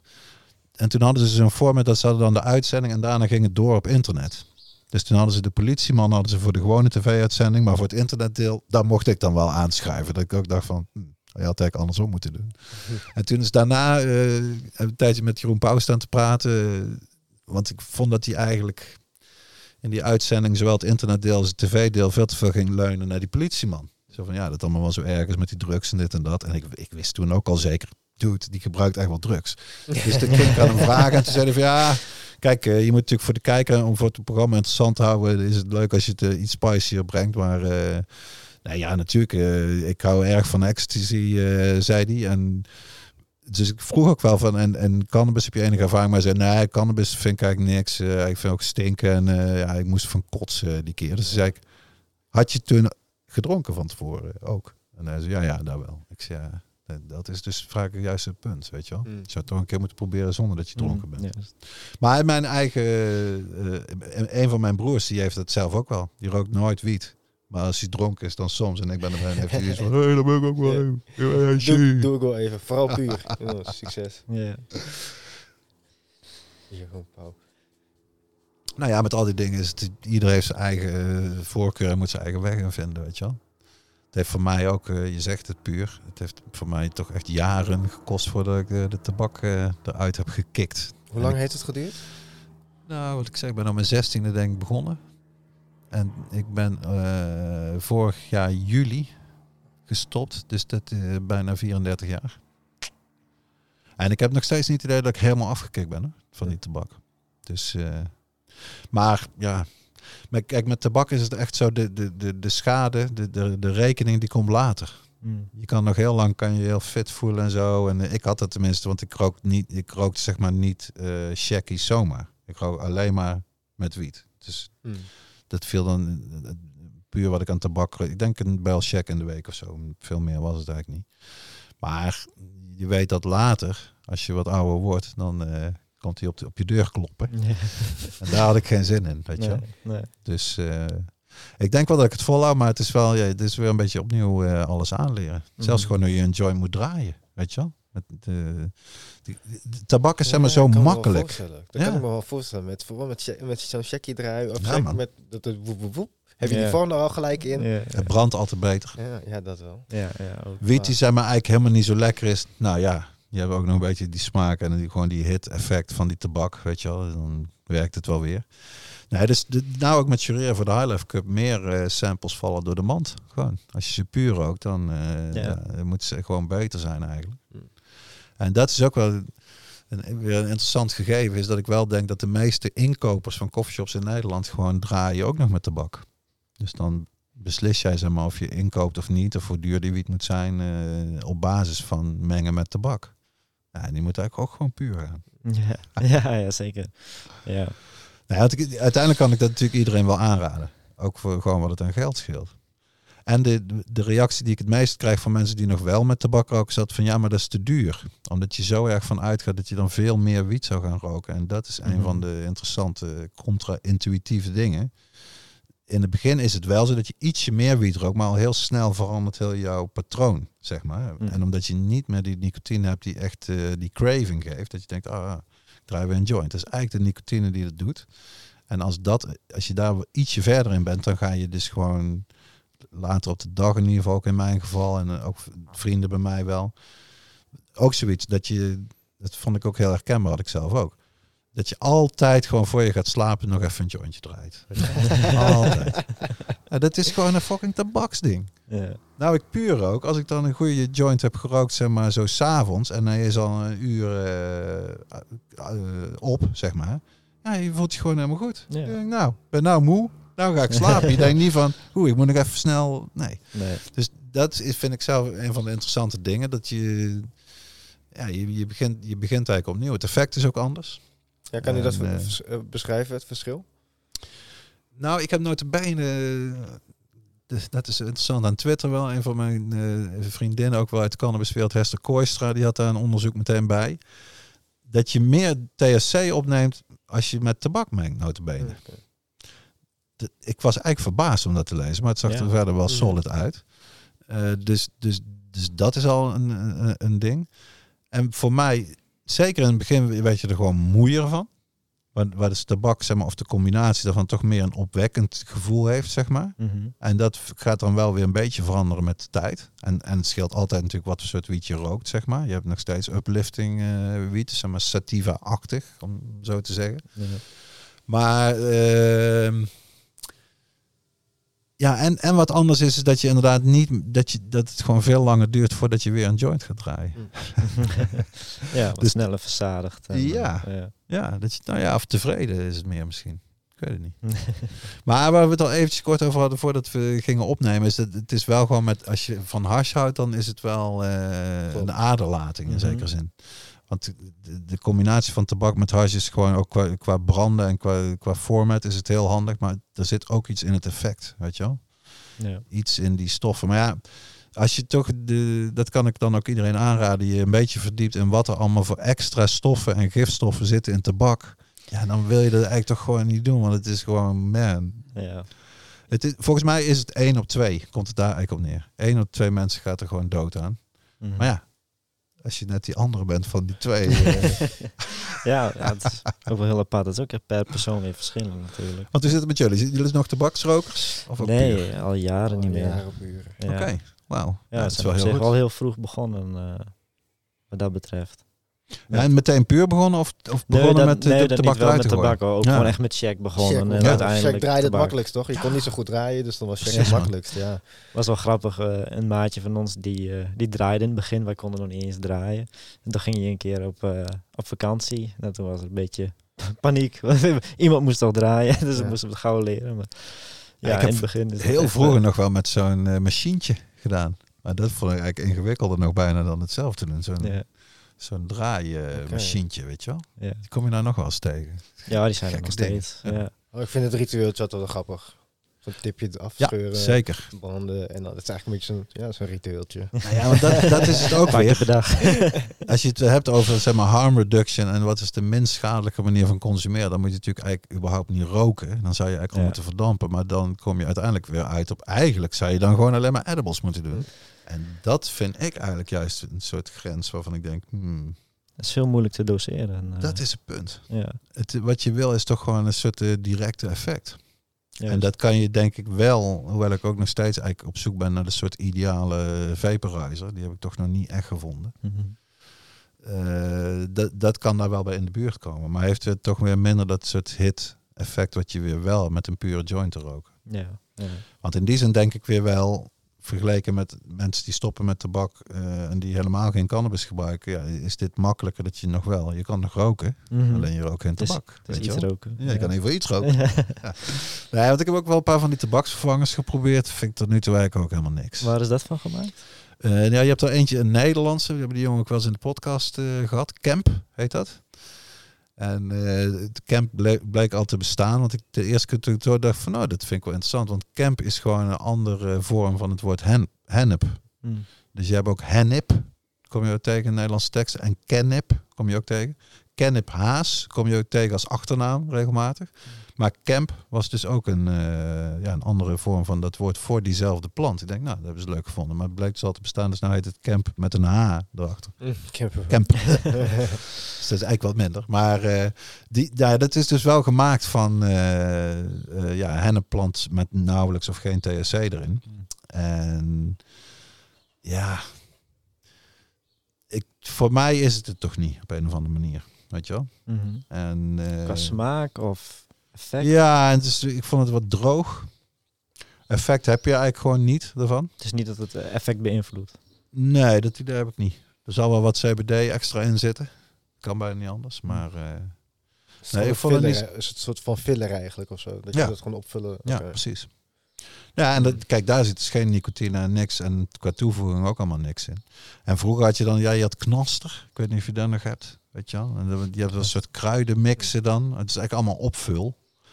Terwijl, ja, de, de truc is toch een beetje, als je goede wiet hebt, dan hoeft je joint ook niet zo groot te zijn. En, Nee, en, en kan je er langer als het ware eh, op gaan. En dan heb je. Want dat vond ik ook natuurlijk wel. Ja, ik denk dat heel veel blowers het hebben met tabak. Ja, je kan gewoon een dikke, vette joint maken. Zeg maar. Gewoon dat, die, die soort fetish. Dat die, Mhm. dat die gewoon groot is. Terwijl ja, met die puur dingen. Maar dan, kijk, ik hou in Amerika natuurlijk ook zo goed mogelijk bij eh, hoe het daar allemaal loopt met die wiet en met legalisering, nieuwe producten. En daar is een bedrijfje en die noemen hun voorgedraaide joints eh dogwalkers. En dat vind ik zo'n goeie. En die zijn dus eigenlijk hartstikke klein. De, de, de, de ik hou nou zeg maar voor de luisteraars die het natuurlijk niet kunnen zien. Dat, is dat is echt maar een centimeter of eh, acht zijn ze. En dan is de helft nog eh, filter. Oh, ja, ja. Die zijn ook altijd heel groot daar zo. Ja, Ja. maar dat is dus het idee. En dan hebben ze ook, de, ja, die Amerikanen zijn natuurlijk wel erg goed in branding en zo. Hebben ze Big Dog en Small Dog. Mm. Weet je wel? Dus een, een klein rondje, dat is dan nog een kleiner jointje. Mhm. En dat is wel, ja, daar moet je ook gewoon weer aan wennen. Dat, eh, ik ben zo lang gewend geweest van, eh, ja, je hebt gewoon die, eh, die tabaksjoint, die is groot. En dat doe, ik deed er ook wel lang mee. En dat vond ik Mhm. juist ook fijn. Want dat vind ik ook wel, als je het vergelijkt weer met debben of bijvoorbeeld waterpijp, bong, wat, wat in Europa of in ieder geval in Nederland helemaal niet zo populair is. Het is zo makkelijk als je gewoon die joint hebt die daar ligt, weet Mhm. je wel. Ik, ik schrijf veel natuurlijk voor mijn vak. Dus ik zit achter die computer. Ja, heerlijk. Je kan af en toe een trekje nemen. Mhm. En En- geen donder met je moet opwarmen of je moet in de Nee, stekker. Weet je als je Ja, bijvoorbeeld ergens bent, neem je ook geen bong mee. Maar Nee. wel een jointje en een kokertje. Ja, ja, zeker. Ja, met die, met die verdampers leek het op een gegeven moment toch erop dat dat ook wel een ding zou worden. Maar dat, ja. In Nederland niet echt of zo? Nee, hè? ik heb zelf ook wel één of twee verdampers liggen, zo die best wel redelijk goed doen. Maar ja, dat is het ook niet. En dan denk ik weer, want daar, ja, dat is toch wel een beetje de Rolls Royce onder de vaporhuis, natuurlijk Storts en Bickel. Die bekende bij mensen denk ik wel die Volcano, die je wel ook vaak eh, ziet ook in documentaires. Dus een piramidevormige ding met van die ballonnen is het dan. En Storts en Bickel, dat duurde best wel lang, maar toen hadden zij dus ook een eh, portable handheld model. Die hebben ze nou twee, de Mighty en de Crafty. En de Mighty is dan iets groter dan de Crafty. En daar eh, hoor ik altijd wel de meest positieve verhalen over. Maar die zijn wel duur. Ja. Het is echt wel een investering om zo'n vaporizer te kopen. En daar, daar hou ik niet van dat je dan die, dat geld op tafel moet leggen. En dat je eigenlijk zo na een paar weken ben je eigenlijk alweer terug op wat je deed. Omdat het is het toch niet. Nee, Nee, nee. nee, klopt. Nee. Dat zie ik Eigenlijk- niet zitten. Echt roken, dat, ja, dat blijft de lekkerste manier van consumeren eigenlijk. Nou ja, de- ook daar ben ik wel. eh, kijk, journalistiek ben ik. Dat is, dat is mijn liefde, maar geschiedenis toch ook wel. En de oorsprong van dingen vind ik altijd super interessant. Maar als je kijkt hoe lang mensen het nou inmiddels al roken, we doen dat Mhm. echt al wel vier, vijf eeuwen inmiddels. Dus het idee dat we daar nu. Dat denk ik ook altijd bij die, die campagne rookvrije generatie, weet je wel. Je probeert dan iets nou helemaal out te wipen, wat, wat mensen toch al wel vijf eeuwen doen. Ja, ik weet het niet. Ik weet het niet. Je moet er niet in doorslaan, vind ik ook niet. Het is, Nee. het is een mooi streven, maar... En sowieso ver. mensen niet opleggen. hè? Ja, ik weet ja, nou, nudge is altijd beter. Goed In informeren, altijd zin. goed informeren. En de Ja. mens kan de keus maken. Ja, nou ja, ik, dat heb ik me ook wel eens afgevraagd. Het zou toch mooi zijn geweest als ze met Postbus 51, eh, als daar eens wat informatie over cannabis was gegeven. Bijvoorbeeld in de zin, doe het zonder tabak. Mhm. Probeer een verdamper, weet je wel? Die soort eh, dingen. Want bij, bij coffeeshops verschilt dat een beetje. Ik ken een aantal coffeeshops die bieden ook echt altijd verdamper aan, weet je wel? Dat je er makkelijk erbij kan als consument. Anderen die doen helemaal niks op dat vlak. Maar dat vind ik ook horen bij een goede coffeeshop. Mm. Dat je dat soort eh, dingen serieus neemt. En, eh, Ja, Alle vormen van consumeren. Ja. Ja. Zit wat in. Nee, ik ken één coffeeshop ondernemer in Alkmaar. Die, daar mag je niet eens binnen draaien met tabak. Ja. Laat staan dat je rookt met tabak. Weet Die je heeft wel? ook een eh, beleid daar. Die is, gewoon pure only. ja, En al een tijdje. Ja. En in principe mag je nu ook alleen puur Ja, nee, dat roken klopt. binnen, toch? Ja, Ja, dat is alweer een tijdje zo. En ja, dit, dat hadden eigenlijk ook coffeeshops toch wat eerder moeten oppikken. Dat ze serieus met, daarmee omgaan met tabaksvrije coffeeshop. Want ik Mhm. vind het echt heel goed nieuws om van jullie alle twee te horen van hey, wij roken puur. En, en de grap is, mijn oudste zoon die, die, eh, die, die eh, is wel een blower, zeg maar. Mijn middelste zoon helemaal niet. Ja, één of twee keer geprobeerd op cannabisbevrijdingsdag. Mhm. En mijn jongste zoon was pas dit jaar. Dus dit vond ik ook al wel best netjes. top op zijn twintigste. En mijn eerste vraag wa- was dus aan hem toen hij zei van... Nee, pa, nog gebloot of weet ik veel hij het zei. Met tabak. Mm. En hij zei nee, nee, nee, al puur. Mm. Dus dan denk ik, kijk, Ja. dat zijn langzaam... Want ja, in, in mijn tijd... De eerste keer dat ik überhaupt iemand puur zag roken... waren gewoon Amerikanen op de High Times Cup. Die, eh, dat was sowieso een schitterend avontuur trouwens. Met een touringcar op bezoek gingen bij Cannabis Castle... in de buurt van eh, Nijmegen, in Lent. Dat hebben ze twee of drie jaar gedaan, misschien maar twee jaar. Sowieso was dat een uniek evenement, waar dus een heel vliegtuig Amerikanen van all over the United States kwamen naar Amsterdam, omdat het hier als enige plek ter wereld kon. Dus dat was ook jureren, dan al die coffeeshops toe, concerten in de Melkweg, eh, mini wietbeursje, weet je wel, met een beetje hennepkleding. En, eh, Dat- dat nou ja, het bestond eigenlijk nog nauwelijks, zeg maar, die industrie. En die, die vlo- vlogen dus ook mee vanuit Amerika. Dus die kleine beginnende hennepmerken en zo. Dus ik had, eh, ja, ik denk dat ik vanaf de derde of vierde editie was ik eigenlijk elk jaar wel erbij, omdat het zo ja, bijzonder en de- daar zag je pas mensen die echt bezig waren met die plant, weet je wel? Die soort enthousiasme bij die Amerikanen. Dat is, ik had het in ieder geval nog nooit eh, hier in Europa gezien, zeg maar. Ook omdat daar toen nog veel meer op het spel stond ook, weet je wel? Mhm. Dat je zo makkelijk voor jaren in de gevangenis gegooid ja, kon ja. worden en zo. Absoluut. Maar ja, dat, dat was wel... dat was een schitterend evenement. En dat, dat, ja, dat hoort er ook wel een beetje bij. Dus die zijn dus inmiddels ook gewoon weg uit Nederland. Al een aantal jaren. Mm. High Times Cup, je hebt nou wel... eh, ik geloof in zeven, acht verschillende staten in Amerika heb je High Times Cup. Mm. Waarom zouden ze het nou doen? Maar het is wel... Die, die, die sfeer zoals die toen hing. En inderdaad, ik heb zoveel mensen gesproken, de Amerikanen dan, die, die zeiden van... I've been saving up for years. this is my dream. Mhm. I'm in Amsterdam. I'm in the High Times Cup. Weet je wel? Mhm. Ja, fantastisch man. Maar, wat heeft hij uiteindelijk toch doen besluiten om puur te roken? Is dat... Ja, dat is een goede vraag. Mijn, mijn co-host van de podcast, eh Rens, die heeft op een hele slimme, soort psychologische manier, met helemaal niet van je moet dit of je moet dat, maar meer zo van, ik ben ook gestopt, weet je wel. Mhm. En eh, waarom probeer je het niet gewoon? Hij zat toen nooit bijna voor het eerste jaar volgens mij in de jury van de High Life Cup vorig jaar. Of eh, ja, en toen- zei hij ook van, we hebben, we hebben toch gewoon al die wiet, weet je wel. We hoeven het niet eens te kopen. Dit is toch een hartstikke goed moment om het te proberen. Toen dacht ik, damn, er is eigenlijk geen spel tussen te krijgen, weet je wel. Dus meer ook op zo'n soort laid-back manier van, het kan ook mislukken. En eh, maar ja, we kunnen het in ieder geval proberen. Maar het is, ja, ik, weet niet wat het precies is. Want natuurlijk, ook mijn eigen kinderen, maar ook wel mijn broer, die hebben ook toch wel jarenlang ook gezegd van, eh, stop met die tabak in ieder geval, weet je wel. Mhm. Het is, het is zo'n gewoonte. Je bent het zo eh, gewend, zeg maar. Dus ik, ik denk dat het alles bij elkaar opstapel effect. Ook dat het steeds duurder werd. Die laatste check die kost, die kostte 14 euro per stuk. Hmm. 14 euro. Ik ben zo oud dat ik nog af en toe wel terugreken naar gulden. Weet je wel? Dus 14 euro is 30 gulden. D- Dat is zeg maar uitzinnig voor iemand die de gulden nog heeft meegemaakt. Dat je dat Mhm. voor één pakje check. Het was, het was vroeger, en toen ik begon met roken, was 5 gulden. Ja, Dus ja, zes keer zo duur. In, eh, juist. en ja. zo oud ben ik ook weer. Nee. Dus Ja, dat, eh, dus dat denk ik. eh, geldt hetzelfde, denk ik. eh. Nou ja, wij hebben het er ook wel eens over gehad. eh, dan kon je nog een grammetje halen, volgens mij, voor, voor 5 euro. Was dat? Hoeveel was dat? Vijfjes. Ja, maar dat, Vijfjes. dat was dus met gulden ook. Ja. Want 5 euro was dus 11, is 11 gulden. En ik heb, dat was dan wel de slechtste kwaliteit, moet ik wel bekennen. Maar de 5 gulden kon wel. Mhm. En dat, daar kan je de koffieshop ook wel een beetje door eh, indelen. Dat heb je nou nog steeds wel een beetje.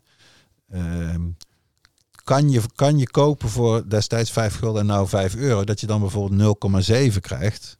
Maar je kan dat wel voor 5 euro. Zodat namelijk de armste sloeber in ieder geval iets kan roken, weet je wel.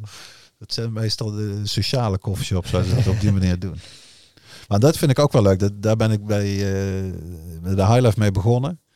Daar reageerden mensen ook altijd wel erg eh, grappig op. Eh, met onder andere de coffeeshop test te doen. Daar hadden ze dan in ieder nummer, deed ik tien coffeeshops. En ik vond het juist leuk om door heel Nederland te gaan. En ik had toen ook, omdat ik nog studeerde in het begin, over jaarkaart. En na mijn studie heb ik dat nog, denk twee jaar of zo zelf gekocht. Maar dat was wel erg duur, zo'n jaarkaart. Ja, ja.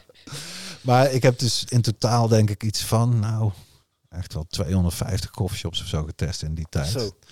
En toen, had ik ook, toen heb ik een keer opgeteld dat er zoveel waren. En toen ben ik ook eigenlijk wel mee gestopt. Want het leek ook net of zeg maar, elke coffeeshop kon je in ieder geval in die tijd wel, die, die viel eigenlijk in een soort archetype coffeeshop. Je had eigenlijk maar iets van vijf types coffeeshop, weet je wel. En, Welke eh, waren dat? Poeh, eh, precies weet ik het niet meer. Maar in ieder geval had je zeg maar eh, huiskamer, buurtshop. Mm. En dat heb je nog steeds wel. En die vind ik nog steeds ook wel leuk. En je had dan zeg maar wat ik destijds misschien eh, house coffee shop noemde. Waar je dus meer harde house muziek aan hebt staan. En meer modern van interieur. Minder blijven zitten. Eigenlijk ook wel meer afhaal. En ehm, ja, welke had ik nog meer? Op een gegeven moment had ik dat namelijk wel. En dan Mm. kwam ik zo'n shop binnen en dacht ik... Hmm. Ja, reggae, reggae shop natuurlijk. Ja, reggae weet je wel? Die kan je dus zowel in het centrum hebben als, eh, als buiten. Maar je, ziet, je zag wel met die huiskamershops, die waren dan iets minder geprofileerd op, op dit soort dingen. hè. Omdat je ook iedereen wil aanspreken in de buurt en wat discreter wil zijn en zo. Mm. Maar ik vond reggae shop zelf ook altijd wel tof, eerlijk gezegd. Weet je wel? Want Ja. er is gewoon bijna geen betere muziek als je stroom bent dan reggae. Laten we wel wezen. Ja, Het gaat prima samen. Ja. Ja. Nee, dus toen, eh, maar ik heb daar wel, eh, ja, ik heb zo, maar, eh, zeg maar Nederland leren kennen. Omdat ik, ik, ik dacht van, Doetinchem, nou, ben ik nog nooit geweest. Boom, daar hebben ze ook een shop, I'm there, weet je wel. En natuurlijk had ik ook altijd wel één of twee uit Amsterdam, maar juist omdat ik ook zelf, zeg maar, uit de provincie kom, om zo maar te zeggen, had ik vanaf het begin zoiets van, ik wil gewoon dat iemand die die Highlife leest, dat hij niet denkt, want de meeste mensen wonen niet in Amsterdam, weer Amsterdam, weet je wel. Mhm. Altijd maar weer Amsterdam. Nee, ook Winschoten en Ermelo en weet ik veel waar, weet je wel. Mhm. Tot diep in Limburg ben ik ook Winschoten, geweest en zo. Ja. Nou ja, ik, ik ken bijvoorbeeld Stadskanaal. Ken ik toch ook vooral vanwege die koffieshop die daar zit. Wizard. Ja, zo zie je nog wat van Nederland. Ja. Tja. Nou, en dat- dan zie je ook dat het echt cultuur is, weet je wel. Mm. Want wordt, ja. Dat is ja, het zelfs vanuit, vanuit consumenten, vanuit blowers zelf wordt er nog wel afgegeven. Vaak op coffeeshops van, eh, ze willen alleen maar geld verdienen, we hebben een grote auto. Dat je denkt, ja, natuurlijk zijn er een paar die zo zijn, weet je wel. Maar ja, ik heb in zekere zin recht van spreken. Want inderdaad, in alle provincies van Nederland bezoek ik coffeeshops of heb ik ze bezocht. En je hebt echt gewoon heel leuke mensen in die scene. Die echt leuk bezig zijn met, we willen iets moois neerzetten passie. met, met die winkel. Ja, het is echt een passie, ja. Die, ook, die, die vaak dan ook nog zelf testen, weet je wel. Dat is ook altijd wel een best wel een goede... Tenzij de coffeeshop heel groot is, want dan is het een beetje lastig. Maar Mm. ik vind wel, als je zeg maar helemaal niet rookt en je hebt een coffeeshop... hmm, Ja. dan moet je je wel dubbel zwart waarmaken, vind ik. ja, daar heb je wel gelijk in. ja. Ja, goed, we hebben het al een beetje gehad over eh zelfwiet kweken. Mhm. En er is eh, ook wel wat nieuws gestart de laatste jaren, de wietproef. Was, Hoe, het, eh, was het maar gestart? Nou ja, in ieder geval het plan is gestart. In ieder geval, hè, daar zijn ze Ja. mee bezig. En eh, ja, dan heb je toch wel weer eigenlijk een klein groepje mensen die toestemming krijgen om te kweken. En dan alsnog, hè, bijvoorbeeld eh normale gebruiker of hè, normaal iemand thuis, die mag het nog steeds niet. Voor Klopt. Geldt, geldt nog steeds hetzelfde. Hoe, eh, wat vind jij ervan? Is dat een goede ontwikkeling? Of, eh? Nou, die, die wietproef is zeg maar een door en door politiek compromis, kan je zeggen. Want we hadden, nog voordat die wietproef verzonnen was, hadden we al een wietwet van D66. Die al aangenomen was in de Tweede Kamer. Met een kleine meerderheid weliswaar, maar wel met een meerderheid. Nou, normaal gesproken gaat hij daarna dus in ja, na niet al te lange tijd door naar de Eerste Kamer. Hup, die geven een klap erop. En dan is, staat hij in de staatscourant en is het wet. Dus zo dichtbij waren we. Maar vlak nadat hij was aangenomen in de Tweede Kamer kwamen verkiezingen. Toen kwam formatie van Rutte 3. Toen hebben ze die wietproef verzonnen. En dat heeft de Volkskrant notabene in een mooie reconstructie eh, helemaal gepubliceerd. Ze hadden destijds tijdens de formatie, ik denk dat ze dat de laatste keer ook hadden, de hoofdtafel, waar dus de fractievoorzitters met Rutte praten. En dan hadden ze zijtafels, waar meer Tweede Kamerleden, specialisten dan praten, om een beetje voor te bakken. En dan kon door naar de hoofdtafel als ze iets eh, uit hadden gedokterd. Nou, voor de cannabisbeleid zaten daar Vera Bergkamp van D66 en van het CDA Madeleine van Torenburg. Het CDA die wil alle koffieshops sluiten. D66 wil wiet helemaal legaliseren.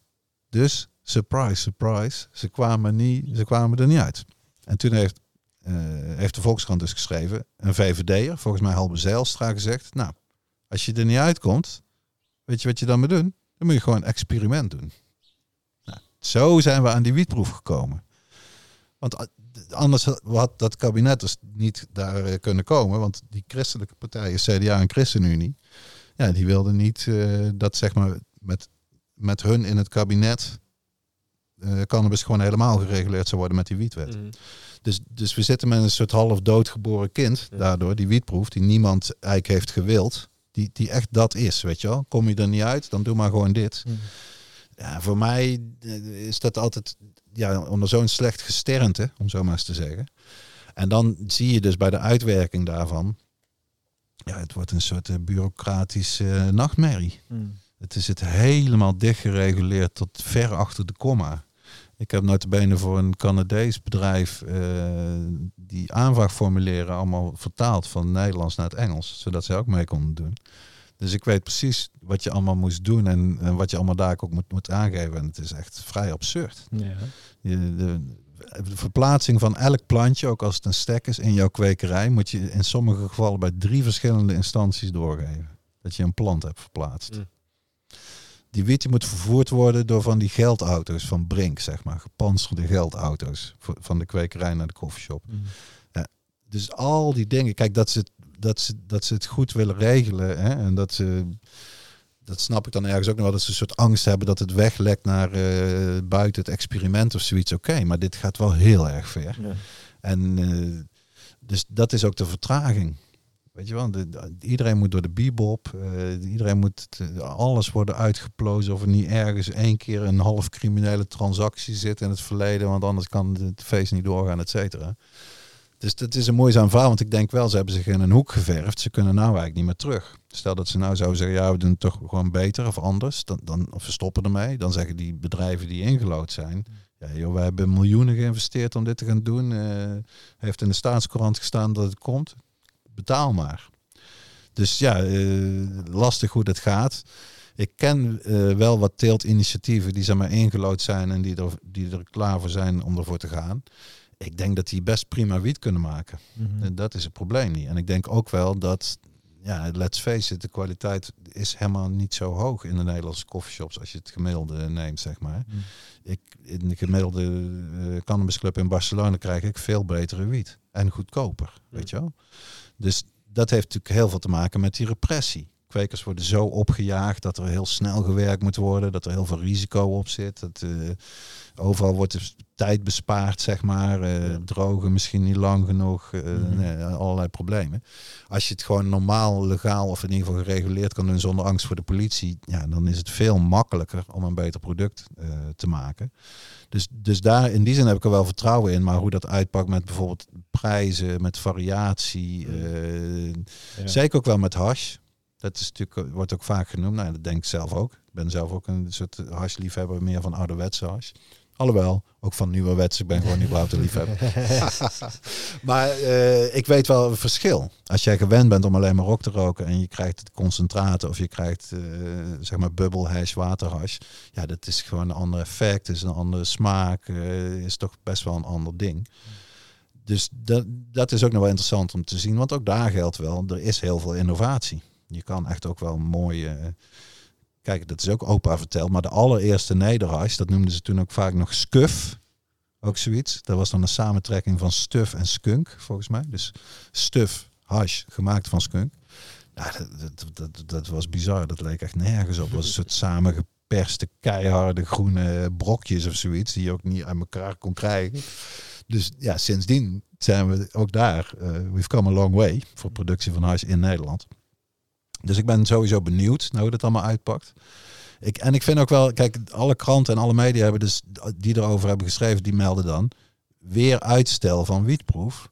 Ja, dan vind ik ook als journalist uh, het woord uitstel klopt niet. Het gaat over vertraging. Eigenlijk wordt het, wordt het nou het idee gewekt dat de regering zeg maar, zegt van ja, wacht er nog maar even mee of zo. Nee, het heeft gewoon mee te maken. Die bibop duurt veel langer. Locaties vinden blijkt veel moeilijker. Banken gaan dwars liggen. Ook dat, weet je. Ook daar zakt mijn broek natuurlijk vanaf. Dat ik denk, we zitten 2022. Canada heeft gewoon al gelegaliseerd in 2018. Dat is vier jaar geleden. En hier zitten we nog steeds. Oh, je, je gaat legaal telen. Je bent gewoon ingelood. Je hebt al het papierwerk. En de Hmm. bank zegt gewoon... Ja, nee, daar willen wij niks mee te maken hebben, meneer uh, Wietkweker. Ook al heeft u 30 miljoen uh, geïnvesteerd in uw plan. U krijgt geen bankrekening. Zodat ook de, de, dat schrijven ook de verantwoordelijke ministers aan de Kamer. Mhm. Dat, uh, ja, het blijkt toch, de, de, naar de, de weg naar de start van het experiment blijkt toch een hobbelige weg te zijn. ja, for real man. We zijn al vijf jaar bezig Ja. en er is nog geen één zaadje de grond in gegaan. Nee. Alhoewel, een van de ingeloten producenten, dat is ook nog wel interessant, Vita uit Waalwijk, die zijn wel al aan het produceren, maar die moeten dus alles vernietigen. Hmm. Maar die zijn gewoon al Testen full-on bezig. Ja, eigenlijk Hmm. bij wijze van test, ja. Hmm. Want die hebben ook geprobeerd de medicinale tender te winnen, zeg maar. Samen, eh, of tenminste als concurrent van Bedrocan medicinale wiet te leveren. Dat blijft ook maar aanslepen. Volgens mij is die nog niet voorbij, ook niet die, eh, die aanbesteding. Nee, dus dat eh, iemand die ik ken, die was daar ook laatst op bezoek geweest. Er staat gewoon helemaal vol met wiet. Hm. Maar ja, dus zij hebben zoiets van, wij kunnen al leveren, kom maar door met die wietproef. Mhm. Maar sommige anderen die moeten nog beginnen met de faciliteiten bouwen, omdat ze zoveel problemen hebben met een locatie eh, te Juist. vinden. En, eh, En financiering. precies. Ja, dus ook dat is weer, come on. In dit land waar we zeg maar alles aan de vrije markt zo'n beetje overlaten wat maar bestaat, zeker sinds we Rutte als premier hebben, gaan we hier een soort Sovjet-communistische manier zeggen van eh, je moet bij elke verplaatsing moet je drie instanties, je moet geldwagens, weet ik veel wat. Mhm. Ja. Ja. Bizarre eisen. Hm? ja, dat is helemaal niet nodig. Nee. Nee, precies. U had het net ook over de kwaliteit van de eh, wiet in de koffieshops in Nederland is niet zo hoog. Ja. Zou u, dat, zou u daar wat over kunnen toelichten? Nou ja, is een hele hel- heel, heel helder statement namelijk. Ja, nou ja, het heeft mee te maken met dat er, dat er nog steeds heel veel repressie is op teelt. En dat het dus heel moeilijk is voor coffeeshops om goede wiet in te kopen. Omdat de mensen die nu de, de wiet kweken, zeker in Nederland, moeten een hoop risico eh, lopen om dat te doen. En Oh, dat maakt het zeg maar makkelijker om, eh, ja, om, nou ja, ik wil niet zeggen de kantjes eraf te lopen, maar dan ga je toch onzorgvuldiger te werk. Dan heb je geen ideale omstandigheden. En dat, dat is natuurlijk sowieso, of het nou gaat om een ingegraven zeecontainer of eh, ergens in, een- in, een, in een pand wat, wat zeg maar gewoon een, een huis is en niet een bedrijfspand. Ja, dan zit je al, al vaak met gewoon meer problemen. Waardoor je dus ook ja, dingen als plagen en spint en schimmels en meeldauw. eh, iedereen die wiet eh, weet waar ik het over heb. Dat treedt vaak op. Dat treedt zelfs ook op bij legale telers. Dat is een van de lessen van Canada. Als jij denkt van oké, als het legaal is, dan eh, die plant is zo makkelijk. Ik ram een, eh, een greenhouse, een, een kas helemaal vol. En eh, twee Mhm. maanden later heb ik die wiet niks aan de hand. Oeh, zo werkt het niet, weet je was maar zo makkelijk. Ja, nee, dus, dus, dus daar, je moet weten wat je doet. En in, in die zin, hoe verbodener het, het is en hoe geniepiger en stiekemer het moet, daar gaat de kwaliteit per definitie van, van achteruit. En eh, ik heb het wel meegemaakt dat, dat ik met een koffieshop ondernemer dat ik hem aan het interviewen was en dat hij uitlegde van hoe vervelend het is dat de kwekers die werkten voor hem of met hem, dat die steeds maar weer gepakt werden. Mm. En dat hij dan weer met kunst en vliegwerk ergens anders dan maar een of ander partijtje moest zien te halen van mindere kwaliteit meestal, bla bla. En terwijl hij dit aan het vertellen was, ging zijn telefoon. Ja, oh, kut. Hm, ja, ja, ik spreek je later. Hij zei, nou, Weer. weer gebeurd gewoon. Tijdens dat hij het aan het vertellen was. En dan zei hij ook van ja, eh, qua straf, die, dat valt best wel mee. Want dat had hij ook al honderd keer meegemaakt. En die, die, die ging dan meestal ook wel weer opnieuw beginnen. Zo iemand. Maar die hele soort theatervoorstelling. Hetzelfde met die halve kilo die een koffieshop maar maximaal in huis mag hebben, weet je wel. Mhm. Dat vrijwel elke koffieshop in Nederland heeft een heel systeem dat het steeds aangevuld wordt door mensen die aankomen lopen of op een brommertje of hoe ze het ook doen. Dat je denkt, wie, ja, klopt. wie heeft daar nou belang? Weet je wel, het, het, het risico wordt alleen maar groter. De keel kan elke keer geript worden, weet je wel. Het- het- waar, waar is het voordeel hiervan? Ja, heel, heel Nee. absurd. Of is het soms misschien een beetje het de koffieshop houden een beetje moeilijk maken? Of Ik denk dat dat, het, dat, dat alles is. Dat dat Ja. de belangrijkste reden is van alles. moet niet te Het makkelijk is ook de kift gewoon. Een koffieshop, die, die, die, die hebben we het gewoon gezien met het OM. In uh, Terneuzen, bij Checkpoint, de grootste koffieshop die Nederland ooit heeft gehad. The Grass Company in Den Bosch en Tilburg. Een keten van vier shops die het ook prima deden. Het- Het OM gaat gewoon, is op een gegeven moment echt achter de echt succesvolle, groot wordende koffieshops. Behalve de allerbekendste, dat is dan ook wel weer interessant. Niet achter de Bulldog, niet achter de Greenhouse in Amsterdam. Mhm. Nee, toch in de provincie Mhm. de hele grote shops proberen te pakken. Nee, dan eh, dat lijkt er toch heel erg op dat ze zoiets hebben van ja, een beetje wiet verkopen, oké, dat kan wel, maar eh, op het moment dat jij miljoenen gaat omzetten, dan eh, trappen we gewoon, eh, we trappen je gewoon kapot. Wa- Wat ze, wat ze met Maddie eh, van Checkpoint en Terneuzen echt wel gedaan hebben. Terwijl die man, wat heeft hij verkeerd gedaan? Hij heeft in volledig overleg met de burgemeester en met de autoriteiten daar de, de koffieshop verplaatst. Met een grote parkeerplaats meteen daarnaast. Zodat niemand meer last had daar in de stadje van, van eh, mensen die naar de koffieshop kwamen, weet je wel. De burgemeester was top enthousiast over. De, de, consumenten, de klanten waren super enthousiast over het ding. Van zijn winst heeft hij een skihal eh, gekocht van 9 miljoen. Die, die daar nog steeds staat, weet je wel. Waar ook tientallen mensen eh, werken. Wat echt een verrijking is voor die provincie. En, en hij is inderdaad als een crimineel. Is die, is die, bij hem en zijn koffieshop hebben ze als eerste geprobeerd, de OM, om ook het personeel, dus de mensen die daar sinaasappeltjes stonden uit te persen en zakjes te verkopen, als criminele organisatie, leden van een criminele organisatie te vervolgen. Wa- Wat een, wat een ratten, weet je wel. Mm. Wat een honden. Om Doede maar eens te citeren, ik wil de honden en de ratten niet beledigen. man, man. Nee, zo slecht. Zo slecht. Oh, ik heb nou iets te veel gezegd, want eh, er komt volgens mij meteen een legerhelikopter hier Ja, over Ja, gevlogen. drie zelfs. Dat heb je drie. gehoord. Ze hebben het er maar weer druk mee. Tja. Ja. Nee, maar dus zo, misschien eh, ook wel interessant om eh, even over te hebben. Kijk, eh, je zei, gaf het al aan, we gebruiken cannabis al eeuwen. Ja, millennia. Zeker. Ja. En eh, zelfs in de hieroglyphen in Egypte zijn Egypte, er eh, ja, ja. dingen over terug te vinden. Waar, eh, waar is dat ooit begonnen, eh, die demonisering van, eh, van cannabis? Ja, heel recent, kan je zeggen. Wat Het is- betreft... eh, Het is, het is begonnen bij een Amerikaan. Ja, het is niet anders. nou, dat is niet helemaal waar. Het is zo dat zelfs Napoleon heeft al... Napoleon was misschien wel de eerste in het Westen die een, eh, een anti-cannabiswet heeft ingevoerd. Oh ja. na de, de expeditie naar Egypte. Toen heeft dus het Franse leger hash leren roken daar in Egypte. Daar hebben ze die hash mee teruggenomen. En toen is er al snel... eh, ja, dat, dat, dat mochten ze daar volgens mij al niet gebruiken. Maar in Parijs, eh, eh, toen jarenlang, was hash ook gewoon verkrijgbaar bij apotheek. Hm. En uit die tijd zijn ook die verhalen van Club des Hachichens, schrijvers die bij elkaar kwamen om in een soort exotisch ingerichte kamer eh, lekker niet, te, niet te, te roken. Dat is ook nog wel interessant. Eten. Eh majoen. Wat ook best in de Arabische wereld wel eh, nog steeds ge- gebeurt. En zeker in die tijd heel populair was. Dus ja, een soort super mega bonbon, moet je je voorstellen. Met zeg maar amandel en noten en honing. Allemaal super lekkere dingen. En 3 gram super sterke hash. Mm. En die eet je zeg maar op. Oké, gewoon rechtstreeks eten. Ja. Huh? Dus eh dat is een beetje zo'n gevalletje van don't try this at home. Maar je kan die, dat is nog wel een interessante tips. Daar hebben dus veel Franse schrijvers over geschreven wat er dan gebeurt en wat je dan allemaal ziet als je, als je dat opeet.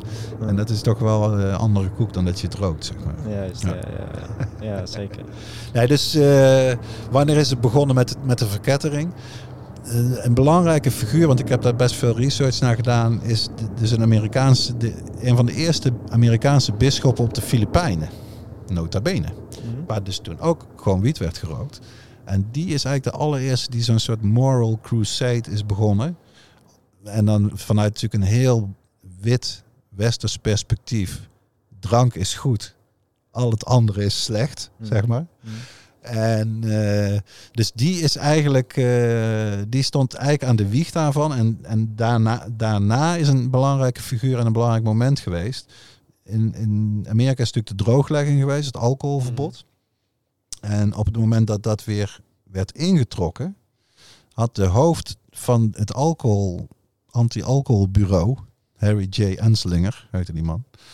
Die had natuurlijk een probleem, want eh, hoe zat het met zijn carrière? En eh, ja, hij kon zeg maar zijn kantoor wel opdoeken. Dus, dus hij is toen heel actief geworden om, zeg maar de voorloper van de DEA op te richten. Dus echt de Drugs Administration. En dat is allemaal gedocumenteerd dat hij in zijn vroege jaren, zeker toen de alcoholverbod nog gold, wist hij donders goed dat, dat, dat marijuana of cannabis eigenlijk helemaal geen probleem was. Zeker niet vergeleken met heroïne, zeg maar. Dat het eigenlijk gewoon een heel mild ding. Dus dat wist hij wel.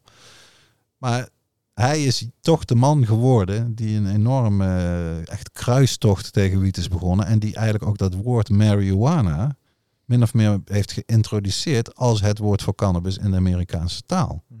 Dat, dat vind ik zeg maar als taalliefhebber en journalist ook super interessant. Het woord hemp, wat het Amerikaanse Engels woord is voor hennep, was heel bekend in Amerika in die tijd. Want hennep, zelfs de founding fathers van Amerika, die zaaiden zelf hennep, weet je wel. De, de eerste, niet de Declaration of Independence zelf, maar de, de eerste schets daarvoor, die is op henneppapier geschreven. Het was echt heel normaal in die tijd. Dus dat woord hemp kende iedereen. Het woord cannabis, de Latijnse naam voor diezelfde plant, was onder wetenschappers, et cetera, ook gewoon in zwang. Cannabis, die naam. Maar marijuana had Harry J. Enslinger opgepikt van Mexicanen. En het, het schijnt niet eens een, een zeg maar, eh, door iedereen gebruikt slangwoord geweest te zijn. Maar een aantal Mexicanen noemden het marijuana. Want in het Spaans is, is cannabis cañamo bijvoorbeeld weer. Mm. Dus dat eh, zou die Mexicanen ook kunnen gebruiken. Maar goed, dat was zeg maar een soort codewoord, marijuana. Die Harry Enslinger, want het was wel een heel slimme propagandist, die dacht, hmm, hemp, dat klinkt gewoon heel Amerikaans en niet bedreigend. Maar marihuana, dat is wel heel exotisch Ja, en heel eng. Dus, dus dat is ook uitgebreid gedocumenteerd hoe Enslinger zelf heel racistisch was. En dus in die campagne tegen cannabis, eigenlijk was zijn belangrijkste argument. Als die Mexicanen en al die andere gekke buitenlanders die wiet roken, dan worden ze zo gek. Dan, en dan willen ze ook onze vrouwen. Echt op Hmm. dat niveau. En nou ja, toen zijn er een aantal films gemaakt. Die, die nou, eentje daarvan, Reefer Madness, is echt bekend. En eh, is ook erg grappig om terug te kijken op YouTube, zeg maar. Omdat het een hele soort grove propaganda is tegen cannabis. Dus je ziet allerlei mensen die dan eh, wiet gaan roken. En, en ja, van het een op het andere moment pakken ze zeg maar een bijl en eh, gaan ze iemand proberen te vermoorden, bij wijze van spreken. Dus nou, van dikhout zagen men planken, maar dat heeft een enorme invloed gehad. Ja, daar is toch een hele generatie in Amerika mee opgegroeid met dat beeld, weet je wel. Ja. Let, ja, eh, the devil's weed. Mhm. Het, Ja, het, het kruid van de duivel. Ja, dat is toch vrij duidelijke taal. En zeker als je zelf gelooft, eh, als je een gelovige christen bent, dan Mm. blijf je daar dus verre van. En wil je je kinderen daartegen beschermen. Ja. Eh, dus je ziet dat in 1933, als ik hem goed heb, denk ik het wel, is de eerste echte federale landelijke wet in Amerika ingevoerd. En dat was nog niet echt een verbod, maar het was een waanzinnig hoge belasting, geloof ik. Als een soort voorbode van wat nog zou gaan komen. En vrij snel daarna eh, is het verbod gekomen en is Amerika ook Enslinger zelf op de internationale tour gegaan. En daar, het is echt aan de druk vanuit Amerika te danken dat ook die, die VN-verdragen bijvoorbeeld, dat daar ook cannabis in werd opgenomen.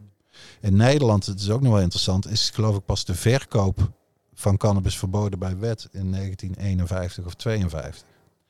Dus dat is eigenlijk ook nog relatief laat. En Nederland is, dat is ook nog wel interessant, eigenlijk in die historische periode dat de Amerikanen alle drugs zeg maar eh, wilden verbieden en ja, de, eigenlijk die on drugs al begon, was Nederland toch nog best wel een tegenkracht. Die toen al zoiets had van, dit maakt het misschien voor criminelen wel erg makkelijk om daar geld mee te verdienen. Zij hebben dat toen eigenlijk al naar voren gebracht, maar ja, werd niet naar geluisterd. En eh, dat is ook een, een historisch feit dat bijvoorbeeld landen als Thailand, die zeiden, het gebruik van opium zit al duizenden jaren in onze cultuur. En nog steeds. Wij willen niet dat dit overal ter wereld internationaal verboden wordt. Nou, de reactie van Amerika was echt van, oh, interessant. Willen jullie nog ooit ontwikkelingshulp krijgen van Amerika? Willen jullie nog handel blijven drijven met Amerika? Dan zou ik toch maar hier even tekenen. Echt op zo'n manier, Mm, weet je ja, wel. ja, ja. Het is er echt doorgedrukt gewoon. En de term war on drugs, die komt uit mijn eigen geboortejaar, notabene, 1971. eh, door Nixon gemunt. Toch een van de allerrotste presidenten die ooit in Amerika aan de macht is geweest. Een totaal paranoïde, ook racistische, ja, doodenge, liegende, corrupte eh, kerel. Die eh, ja, heeft er wat in Amerika culture wars wordt genoemd. En dat is ook wel eh, voor Nederland misschien zelfs wel relevant. De Republikeinse partij, dus de conservatieve partij in Amerika, kwam op een gegeven moment erachter dat ja, voor het gewone volk zijn dingen als een minimumloon, een goede zorgverzekeringswet die niet te duur is, die gaan daar zeg maar voor kiezen. Eerlijke welvaartsverdeling. Ja, daar gaan die democraten gewoon op winnen, want dat Mm. is gewoon goed voor de, voor de gewone man. Dus dachten ze van nou, dan moeten we het dus over niet-economische onderwerpen in feite, daar moeten we het van hebben. Abortus, Hmm. drugs en zeg maar euthanasie, is soort softe onderwerpen. Nou, zo hebben ze toen zeg maar eh, helemaal het, het schip eh, laten draaien en daar zijn ze helemaal op gaan zitten. En dat, dat heb je eigenlijk tot de dag van vandaag, met name ook op die abortus, weet je wel. De, de, dat alle, daar wordt zeg maar extreem veel aandacht aan besteed om eigenlijk een beetje de aandacht af te leiden van de dingen waar mensen echt iets aan zouden hebben. Dat ze namelijk gewoon in het ziekenhuis behandeld worden, et cetera. En drugs is daar nadrukkelijk een, een onderdeel van. Eh, Reagan is daar ook al een belangrijke met zijn, met zijn vrouw Nancy Reagan, met, die met de slogan kwam Just Say No. Weet je wel? Dat is ook een soort dieptepunt in de, in, in, de geschiedenis van war on drugs en war on weed. Want dat is ook nog wel belangrijk. Die war on drugs in Amerika is eigenlijk altijd gewoon vooral een war on weed geweest. Omdat het ook weer het makkelijkste is. Weet je wel? Omdat eh, ja, meestal zijn de mensen die met cocaïne en zo bezig zijn toch net ook van een ander geweldsniveautje en noem maar op. Dan, dan gewoon die hippies of die mensen die met die wiet bezig zijn. Dus daar zie je ook hoe schandalig dat weer is. En dat, nou ja, dat, die racistische oorsprong eh, al kort besproken, maar ook in de uitwerking natuurlijk van die wetten, dat is ook extreem racistisch en nog steeds in Amerika. Mhm. Dus simpel gesteld, blanke, witte mensen en zwarte mensen gebruiken vrijwel evenveel drugs, of niet drugs. Maar gearresteerd ervoor worden is zes keer zo hoog als je niet wit bent. Mhm. Dus dat- dat zijn allemaal dingen die, eh, die, die war on drugs, die heeft zeg maar echt een heel, heel slechte invloed op de, op de wereld. Mm, absoluut. En voor mij, ik ben zelf wel geïnteresseerd van hoe kunnen we daar nog ooit eh, van afkomen of wat moet gebeuren. Omdat daar ook weer. Het is natuurlijk zo dat, dat het geld wat wordt verdiend door het drugsverbod, wat allemaal zwart geld is, daar wordt ook terrorisme mee gefinancierd en alle enge types wat je niet zou willen. Dus je zou ook daar voor de veiligheid van de wereld, ook op dat vlak, financiering van, van terrorisme en noem maar op, zou je zoveel positiever uitkomen als je dat gewoon legaal zou kunnen aanbieden. Maar ja, je ziet hoe taai het al is om het met cannabis voor elkaar te krijgen. Dus voor die Ja. andere middelen eh, nog ingewikkelder, denk ik. Ja, ja, denk het ook. Ja, Doele die zei ook van... eh, ja, hoe, heeft het ook volgens mij aan iemand gevraagd. eh, wat, wat heeft het nou opgeleverd, hè, de war on drugs? Ja, het heeft enorm veel gekost. Aan zijn rechters heeft hij dat gevraagd. Ja. Ja. En wat heeft het opgeleverd? Uiteindelijk levert het niks op. Nou ja, dat, het is, er wordt gewoon niet minder door gebruikt. Nee, Nee, precies, nee. precies. Er is een oude politiecommissaris uit, eh, uit Engeland, die heeft het heel mooi samengevat in, in, een- in een citaat. Ik heb het niet helemaal in mijn hoofd, maar het komt om neer dat hij zegt van het grootste misverstand eigenlijk over prohibitie, dus het verboden van, het verbieden van drugs, is dat het het gebruik en de beschikbaarheid, ook heel belangrijk, van Mm. drugs Mm. zou verminderen. Mhm. Dat is niet zo. Die, die, eh, eh, want dat ligt er zeg maar, impliciet toch wel onder. Dat dan minder mensen het zullen gebruiken. En dat Ja. is dus niet aan de hand. Ja. En wat, wat mij jaren eigenlijk heeft gekost om dat goed te doorgronden en te begrijpen, is dat het. ehm, het heeft eigenlijk geen effect. Het is ook weer niet zo dat als je, als je zeg maar daar liberaal mee omgaat, dat minder mensen drugs gebruiken. Die politie komt eigenlijk om neer dat ze niet zo'n grote broek moeten aantrekken. Want ze denken dat ze invloed hebben op het gebruik van drugs. Maar dat heeft helemaal niet te maken met hun beleid. Het heeft met heel andere dingen te maken. Met inderdaad trends in de maatschappij, leeftijdsopbouw van, van de maatschappij, die soort dingen. Die hebben enig effect misschien op hoe dat zit. Maar dat overheidsbeleid helemaal niet. Heeft natuurlijk wel eh, effect op hoe veilig het is. En of criminelen met de winst van doorgaan of normale bedrijven dat doen. Daar heeft het allemaal veel effect op.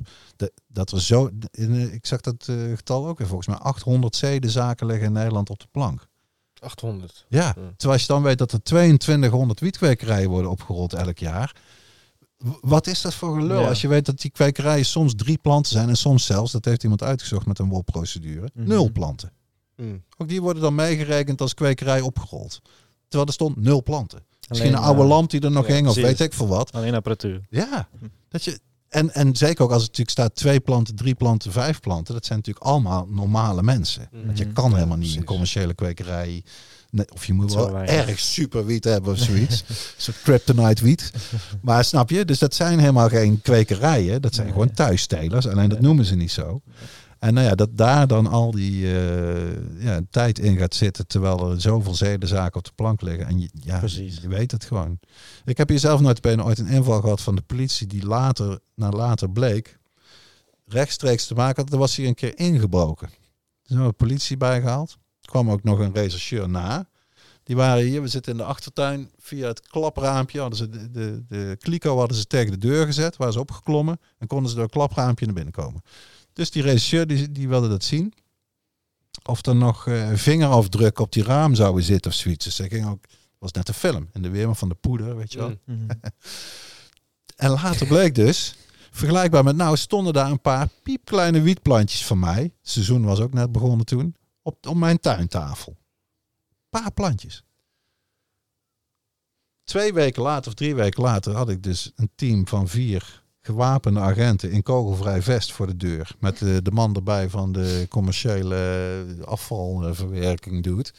Van wij hebben een eh, anonieme tip.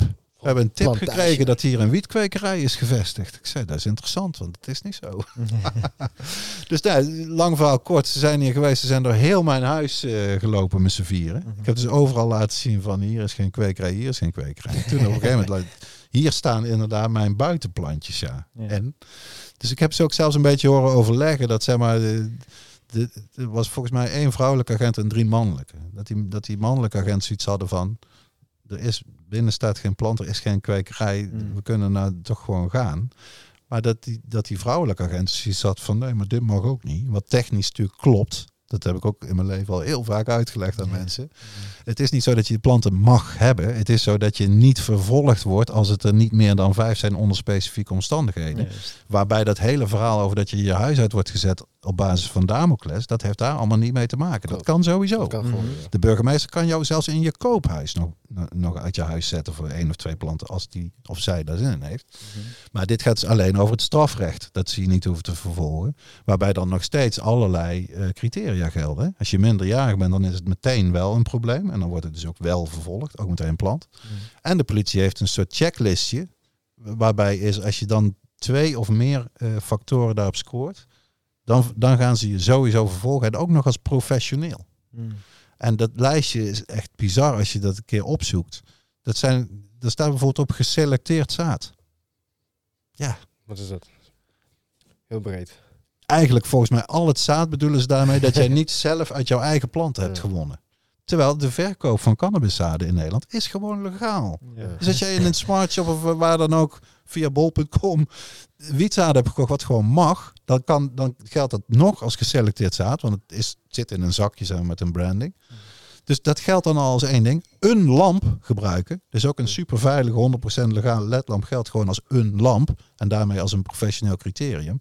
Ja, dus zo, ook daar blijkt wel uit dat vijf planten mag. Nee, nee, nee, dat geldt echt niet. Mm. Het is meer zo, inderdaad, als je een beetje een normale wijkagent hebt en je hebt vijf buitenplanten bij je koophuis, da- dan eh, is de grootste kans dat je, hij neemt ze wel mee, of zij, Precies. maar je wordt dan niet vervolgd. Terwijl ik heb eh, destijds, zeg maar, ik wilde per se wel worden vervolgd.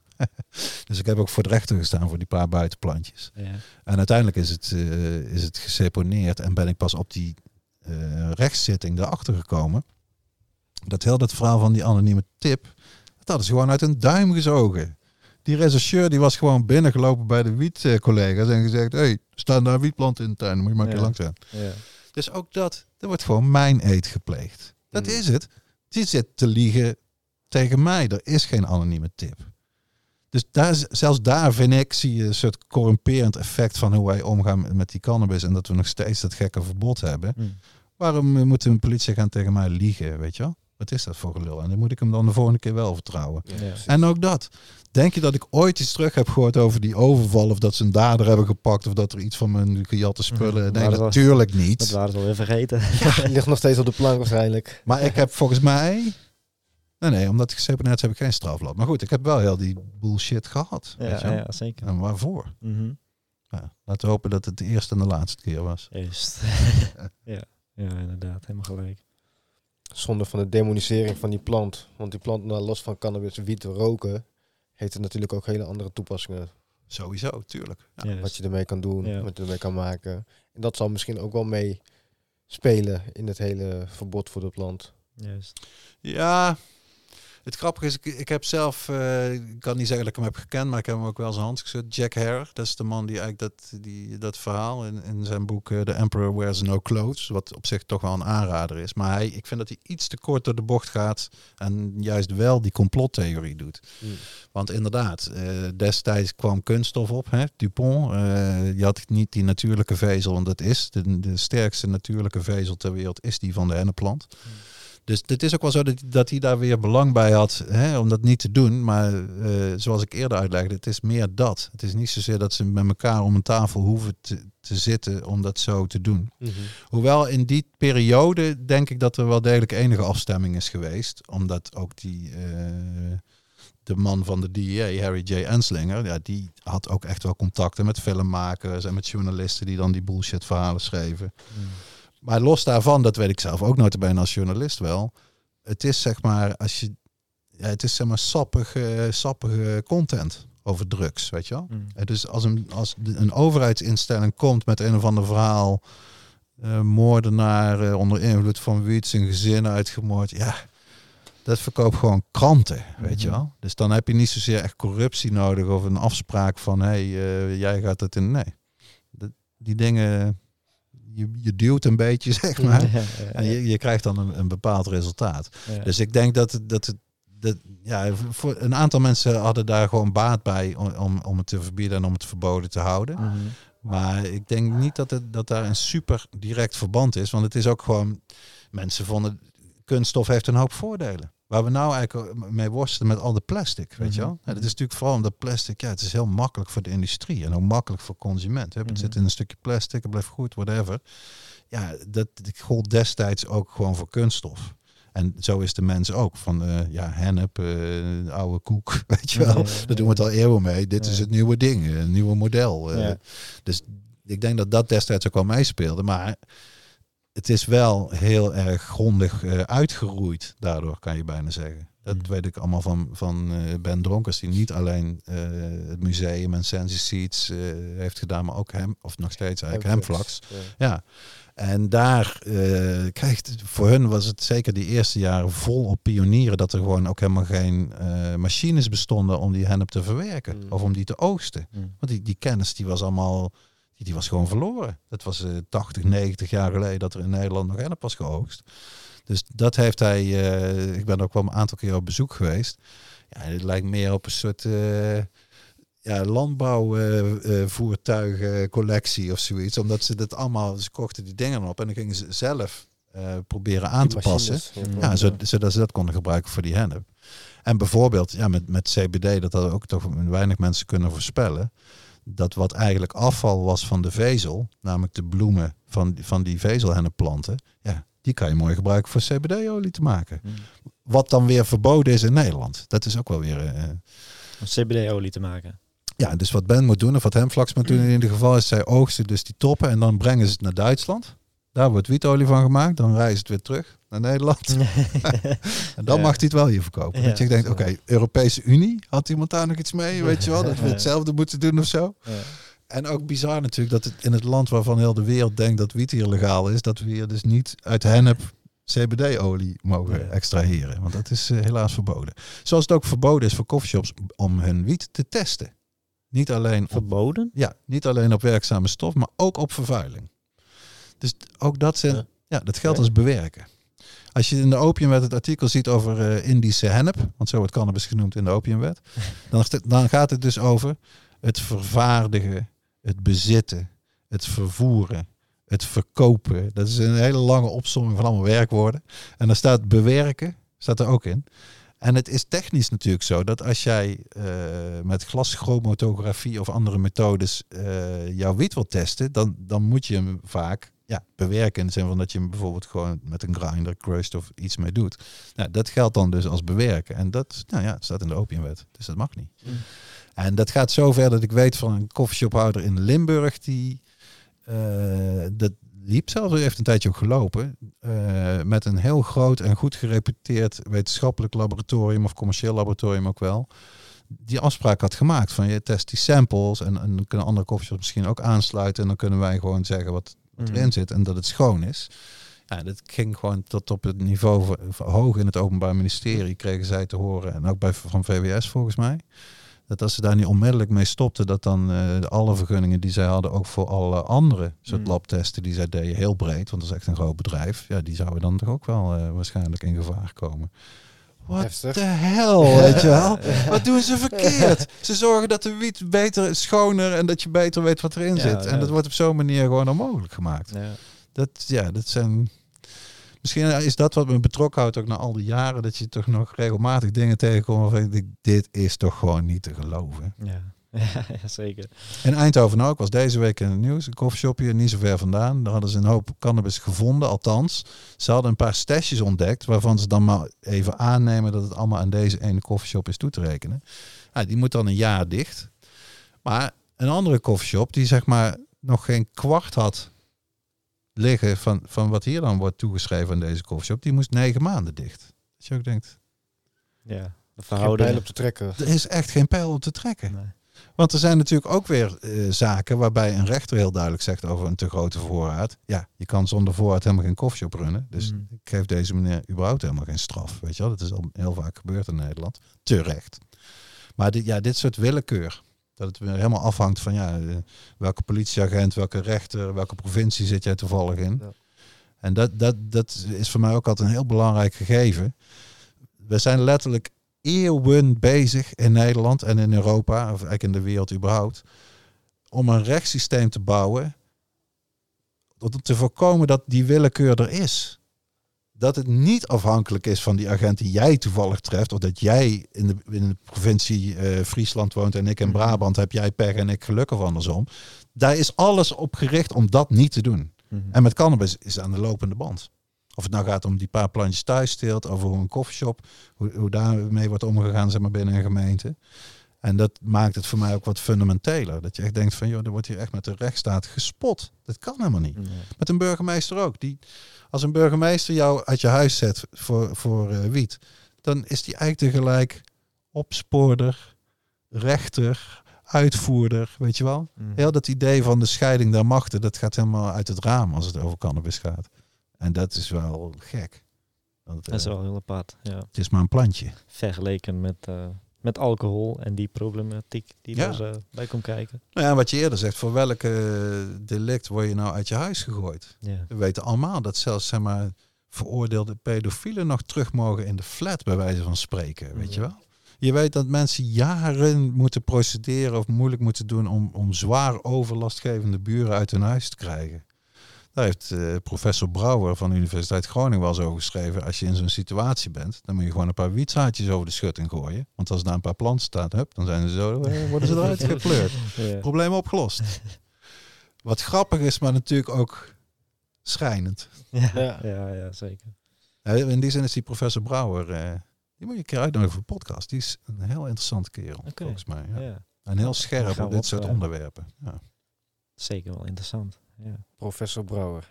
Die, eh, Jan Brouwer. Gelijk even eh, Schrijf opschrijven. Echt gezond verstand. eh. En die komt uit Groningen. ja, Nee? zit in ieder geval Universiteit Groningen. ja. Oké. Kunnen we eens benaderen inderdaad. Ja, is dichterbij als Eindhoven. Voel bijna als een thuiswedstrijd. Nou ja, en wie daar ook zit, die is ook misschien wel interessant. voor- Zeker als, als je het over Damocles hebt, is Michelle Bruin.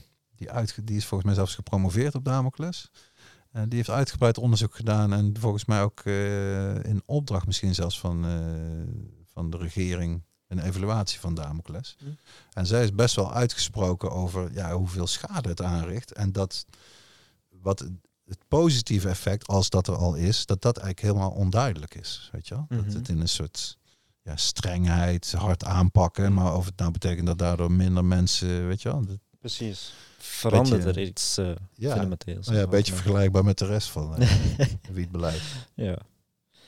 Ja, op alle vlakken is dat eh, vergelijkbaar. Ja, als je, als je dan een beetje... U zit al heel lang in de game, zou je dan zeggen. Als, hoe, hoe ziet u dat dan nu voor u? Is het dan, gaat het nu ergens beter? Of tussen de aanhalingstekens slechter?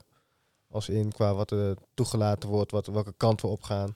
Nou, ik denk dat we het ergste wel hebben gehad. Ik denk dat het dieptepunt van Nederland qua cannabisbeleid was opstelten, die periode. Oké. Zullen mensen nog herinneren, de minister van Justitie.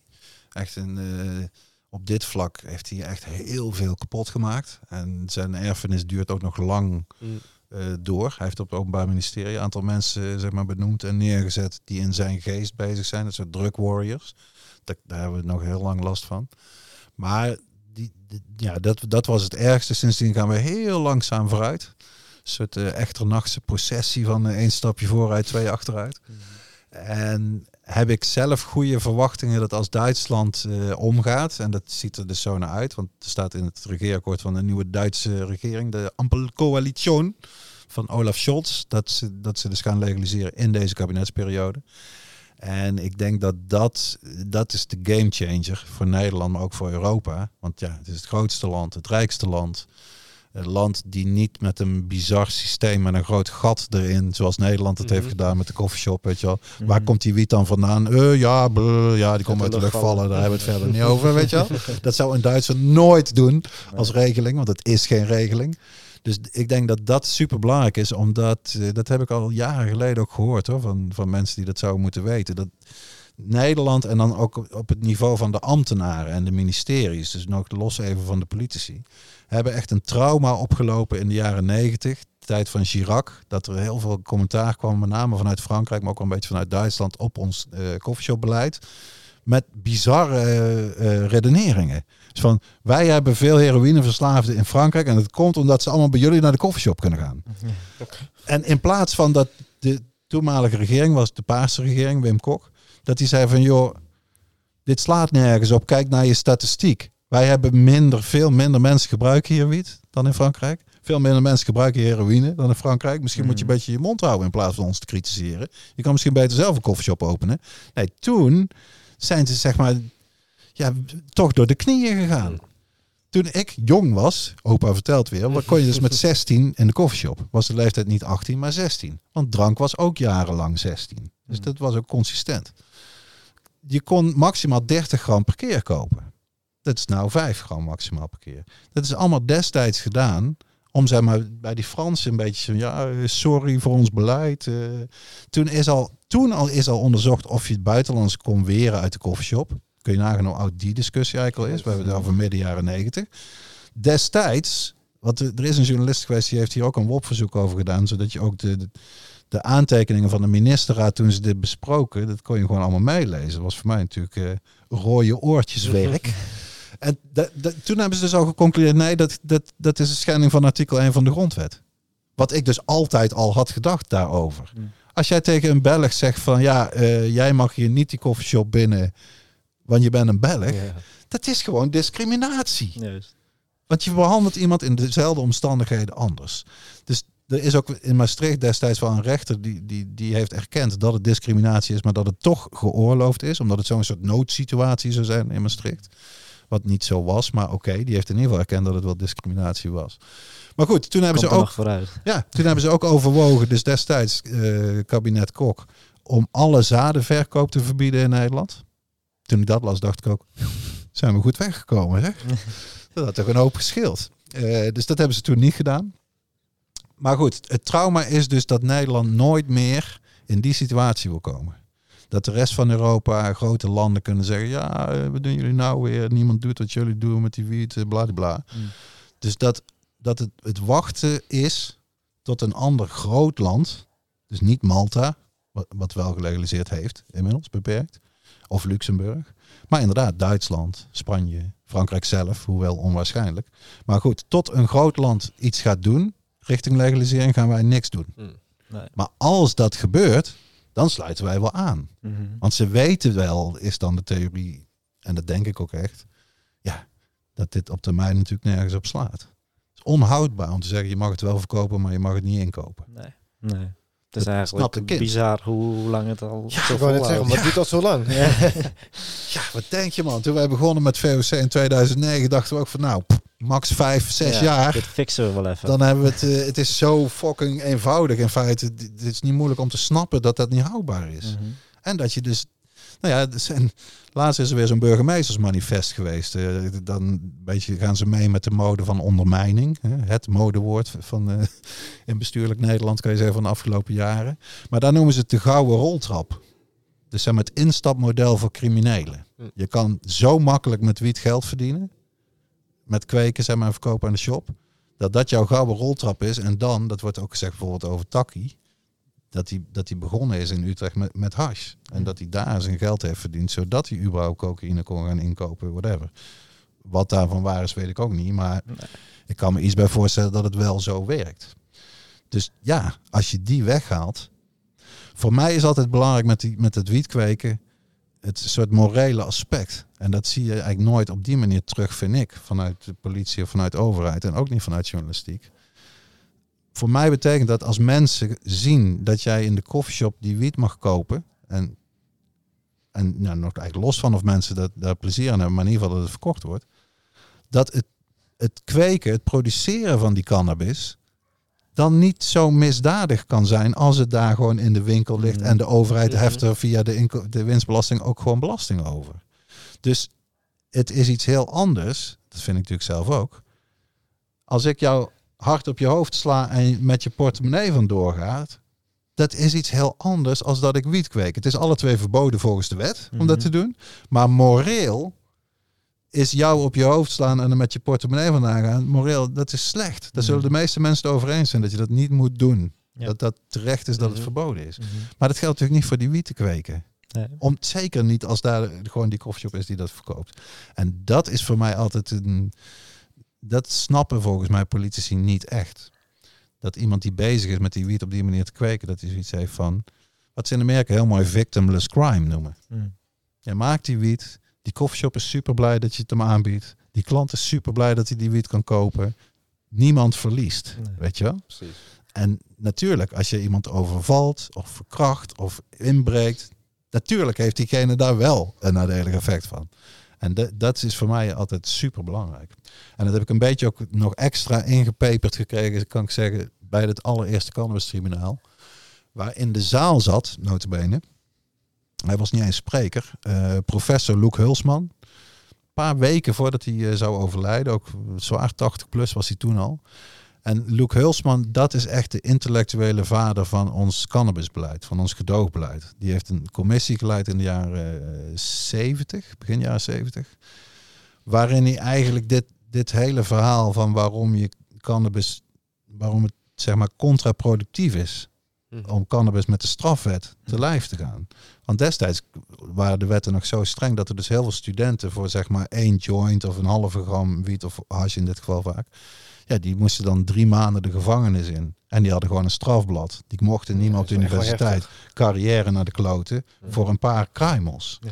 Dus daar kwam het idee, of het gevoel vandaan van, hm, is dit nou de beste manier om daarmee om te gaan? En het is deze Luc Hulsman geweest, die dus prachtig in dat rapport heeft beschreven.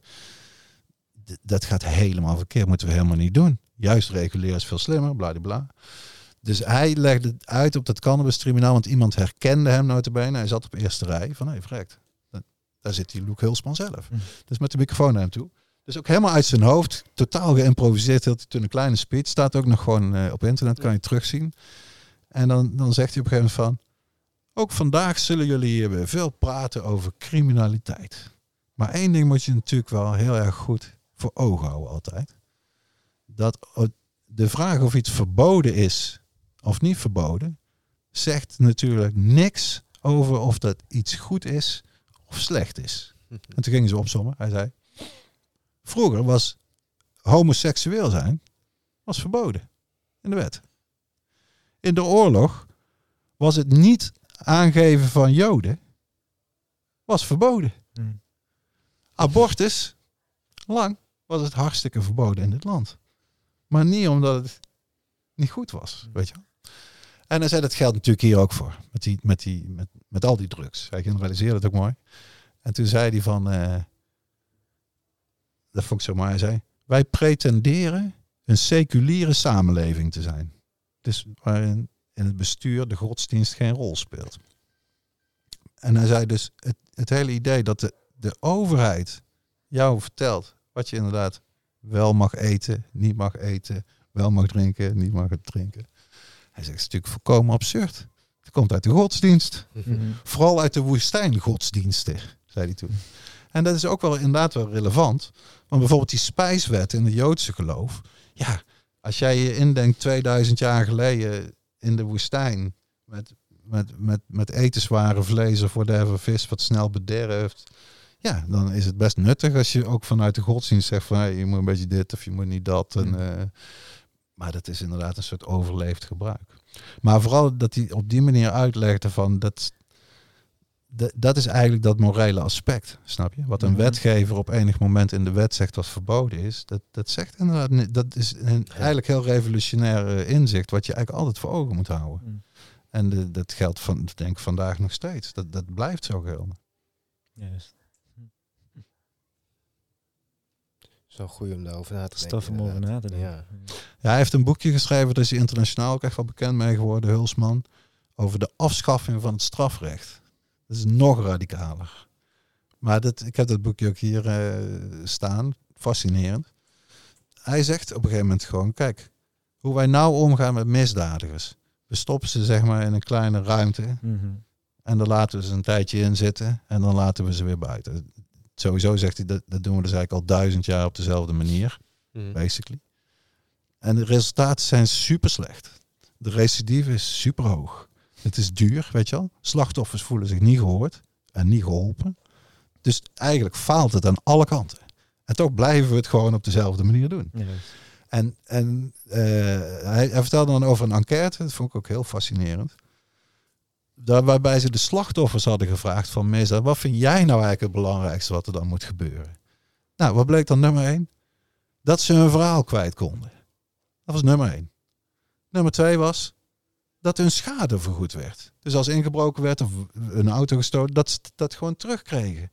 En ergens op de vierde of vijfde plek kwam een keer dat die dader, zeg maar, dat daar iets mee moest gebeuren. Mm, Ook daardoor dacht ik inderdaad van ja, precies. ik vond het best overtuigend. Hangt ook van de misdaad af, denk ik. Ja, dat denk ik zeker ook. Ja. Ja. Nou ja, en je ziet het een beetje opkomen. Dat sluit in ieder geval wel aan bij dit gedachtegoed. eh, wat, ze dan mediation zijn gaan noemen. Mm. Dat in plaats van dat een rechter zeg maar, zegt, hup, jij gaat de gevangenis in. Dat het meer als die rechter, die brengt de twee partijen die een conflict hebben bij elkaar. En zegt van, hoe gaan we hier nou uitkomen? Dat we daar allemaal tevreden mee zijn en er ook beter van worden. Dat is eigenlijk weggaan van, van dat straf, ja, dat strafidee. Mm.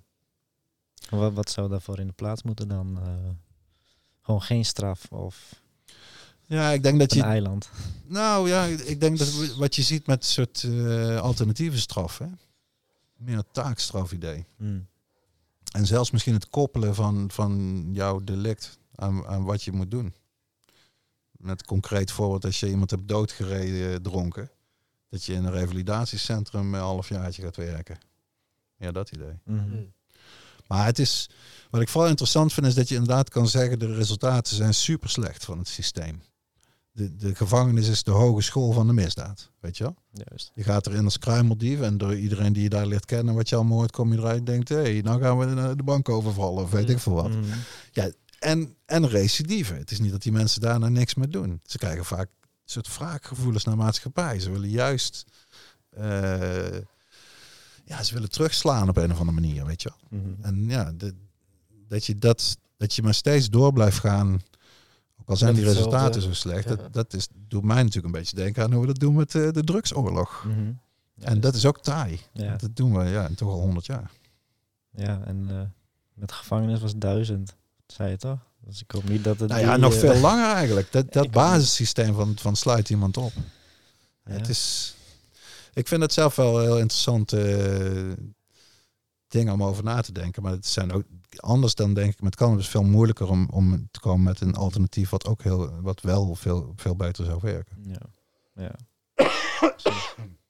Nee, maar je gaat in ieder geval met eh, bijvoorbeeld iemand opsluiten, ga je niet echt naar de kern van het probleem. Waarom, Nee. doet, waarom doet iemand zoiets? Het Ja. enige wat je doet is hem eigenlijk opsluiten en dan soort van in de hoop dat hij zijn lesje geleerd heeft en dat hij dan eh, andere Ja. keuzes zou maken. Maar goed, dan is hij een, een tijd lang uit de maatscha- maatschappij geweest, moet hij er weer in. eh nou, strafblad, moeilijk aan het ja. Maakt het alleen maar moeilijker. Alleen maar Ja. moeilijker. Nee, dat denk ik ook. Nee, en ik kijk, het is nooit zwart-wit. Ik denk dat er zeker een klein eh, percentage is van die groep die zeg maar, weet ik veel, zo erg van schrikt of eh, dat zo erg vindt om achter een deur te zitten, zeg maar, dat, dat ze inderdaad dan nooit meer gaan doen. Maar de statistiek laat gewoon duidelijk zien dat is echt maar een klein groepje. De, Mhm. de meeste werkt het gewoon niet. Eh, Precies, en net wat je zegt, eh, je centreert wel iedereen bij elkaar. Dus zeg maar mensen Ja. die, eh, je kan gewoon van elkaar leren, connecties eh, Absoluut. uitwisselen. Zeker. Vaak gaat het in de gevangenis ook gewoon door. Daar worden ook bepaalde handeltjes misschien wel gedaan. Of, eh, Van zo. Nou ja, dat is ook altijd weer een, goed, ja, een goede illustratie van hoe- slecht zo'n cannabisverbod werkt of zo'n drugsverbod. Dat zelfs in de gevangenis is inderdaad is gewoon drugs. En ook Mhm. mobiele telefoons en zo, maar ook altijd geweest drugs. Ja, Mhm. als het daar al niet lukt in één fucking gebouw met overal camera's en bewakers en daar ja, krijg je het zelf daar binnen. Dan ga je dan denken dat je dat buiten, dat kan tegenhouden. Ja. Precies, ja. Dus dat, nou ja, dat komt weer terug op, de, op dat punt van die oud-politieman. Dat is het misverstand. De, de- dat je ook maar iets kan doen aan de beschikbaarheid. Mm. Want het is te makkelijk, Mhm. zeg maar. Ja. Ja. ja, het is ook heel, moeilijk voor te stellen. eh volgens mij, Doeder die zei dat er 700 kilo per dag wordt verkocht. Is dat een... eh, Ja, niemand weet het zeker volgens mij. Nee, maar een schatting wordt gemaakt. En dat moet toch ergens vandaan komen? Ik denk, nou ja. Hij gaat dan ook uit van die ongeveer 600 shops, iets minder. En dat die op een kilo per dag, dat zeker wel, ja, gemiddeld. Ja. Want sommigen die zitten daar natuurlijk ruim boven. En dan gaat er gewoon meerdere kilo's per Mhm. dag wat doorheen gaat. Ja. Maar ja, Ja, waar komt dat vandaan? hier in Eindhoven heb je, dat is de langste uitgaansstraat van Nederland volgens mij, het Stratum Zijnd. Echt best wel bizar, allemaal cafés. En eh stampvol elk weekend. En daar zie je, ik heb het al heel vaak gezien, dan, dan komt zeg maar op maandagochtend eh, gaan ze de bier bijvullen. Met een tankwagen. Er komt gewoon zo'n grote tankwagen aan. Die dus in één keer, weet ik veel, 8000 liter onder in de tank van het café eh, pompt. Het idee dat je, dat je daar ook zegt, ja maar ho, wacht eens eventjes. Doe maar 500 liter, hè? dan is het wel genoeg. Hè? En eh, ja, als je dan morgen weer terug moet komen, ja, dan, eh, dan moet het maar. D- dat is, dat zijn, als je die dingen, dat, dat is ook altijd wel een, een goede mind truc. Als je het vergelijkt gewoon, als ze dat bij een andere branche zou flikken, wat ze flikken bij cannabis en bij Mhm. coffeeshops, dat zou Ja, nooit stand houden, Precies, koffie. Ja, dat is gewoon bij Albert Heijn. ja. Als Albert Heijn eh, verkoopt aan, alcohol aan een minderjarige, omdat hij doorheen glipt, weet je wel. Als het de coffeeshops zijn, drie maanden dicht. Heb je ooit van gehoord dat een supermarkt überhaupt een week of maar een dag dicht gaat, omdat er Mhm. alcohol tegen de regels is verkocht aan een minderjarige? Nee, natuurlijk niet. Mhm. Maar een coffeeshop, ja, ook weer afhankelijk van de gemeente. Want dat is Mhm. ook weer... Haarlem is dat bijvoorbeeld echt heel anders dan in andere steden. En ook dan, dan zit je weer bij die willekeur. En rechtsongelijkheid. Juist. Ja, inmiddels zijn we alweer 2,5 uur verder. Zo, tijd vliegt hè? Ik heb het niet eens door, joh. Oh, nee, Ik heb het niet eens door. klopt. Nou, dan hebben we alle twee goede wiet gerookt, denk ik. Ik denk het, ik denk het. Ja, ja, ik denk het ook. Maar in ieder geval, eh, ja, kun je wel echt merken dat je al eh, een hele tijd in die materie zit. Ja. En dat je daar eh, gewoon heel veel van af weet. Nou, en het blijft, het blijft ook wel. ehm, er blijven nieuwe dingen om te ontdekken. En er blijven nieuwe dingen Hmm. gebeuren. Dat is wel heel interessant. Maar het, is, het blijft toch wel frustrerend hoor. Dat het in Nederland zo moeizaam. Die, die, ja, die Ja. wet van de remmende voorsprong, hoe dat zoveel tegenhoudt. Mhm. Dat is wel eens. eh, dat je denkt, get on with it. Ja, ik ja, wil niet tot het eind van mijn leven activist moeten zijn om die cannabisverbod van tafel te krijgen. Nee, nee. Maar als het moet, dan eh, ga je ervoor ook niet. Nou ja. Kijk, ik zeg het lachen, maar eh Ja. ja. doelersnaam is vaak gevallen. En het is, het is wel iets typisch. Kijk, ik heb Simon Vinkoog heb ik, heb ik vrij goed gekend. Dat is eigenlijk de allereerste Nederlander die op televisie en in media duidelijk over is geweest. Ik rook wiet en ik vind het oké. Weet je wel? Mhm. Dus eigenlijk is hij de eerste cannabisactivist van Nederland. Nou, die is al een aantal jaar geleden over, overleden. Maar het zijn er best veel. Mensen die zich echt heel erg hebben ingezet om dat doel te bereiken, die het Mm. gewoon niet gehaald hebben. Mm. Inclusief Doede als een van de laatste. En dat, ja, dat geeft voor mij ook ja, nog meer soort diepte aan die opdracht om inderdaad wel door te zetten. Terwijl ik soms denk van, jezus, eh, Ja. Kan het niet wat sneller gaan? Maar, Terwijl het ook niet zo moeilijk is, zeg maar. Tussen ja, aanhalingstekens. tuurlijk. Ja, nee, dat is het. Heel veel maatschappelijke problemen, daar, daar zou ik me niet op zo'n manier voor inzetten, omdat ik heel goed zie, daar zit een heleboel kanten aan. Daar moet je genuanceerd naar kijken. Er is altijd iemand, die, die hebben allemaal wel een beetje gelijk. Maar hier is het inderdaad, nou, kom je full circle met het cannabistribunaal. Dit heeft zoveel meer negatieve dan positieve effecten, als het überhaupt al een positief effect heeft om, om cannabis verboden te houden. Dus die, ja, met die overtuiging eh, ga ik, vrees ik, toch nog wel een tijdje door. Ja. ja, zeker. Nou ja, goed. En daarom eh, zijn we ook blij dat je ons erover over hebt ingelicht. En eh, zo kunnen we onze luisteraars weer eh, informeren. En eh Dat bewust is graag maken. gedaan. Ja, Super. heel erg top. En check natuurlijk onze website van VOC. Hè? VOC Juist. gewoon streepje Nederland.org. Juist, En eh VOC Nederland op Twitter. Zullen het eh, in de beschrijving zetten. uiteraard. Zeker. Sweet. En eh, als mensen hier willen beluisteren, HIT Oh ja. podcast. Ja, IT Podcast en de podcast dan met een T. Die woordgrap eh, konden we niet laten liggen natuurlijk. ITpodcast.nl Inderdaad, is ja. de website daar. Nee. Ja. Helemaal goed. En dan eh, iedereen bedankt voor het luisteren. Zeker. Deel deze met je vrienden, familie, iedereen. Cashiers. Ehm, volg ons op, eh, even kijken, Instagram. Facebook hebben we ook tegenwoordig. En luister ons natuurlijk op Spotify, eh, YouTube en eh, Apple Podcast. Ehm, en tot de volgende ronde zou ik zeggen. Zeker en eh, tot snel. En nogmaals bedankt nogmaals Tot ziens. Tot ziens.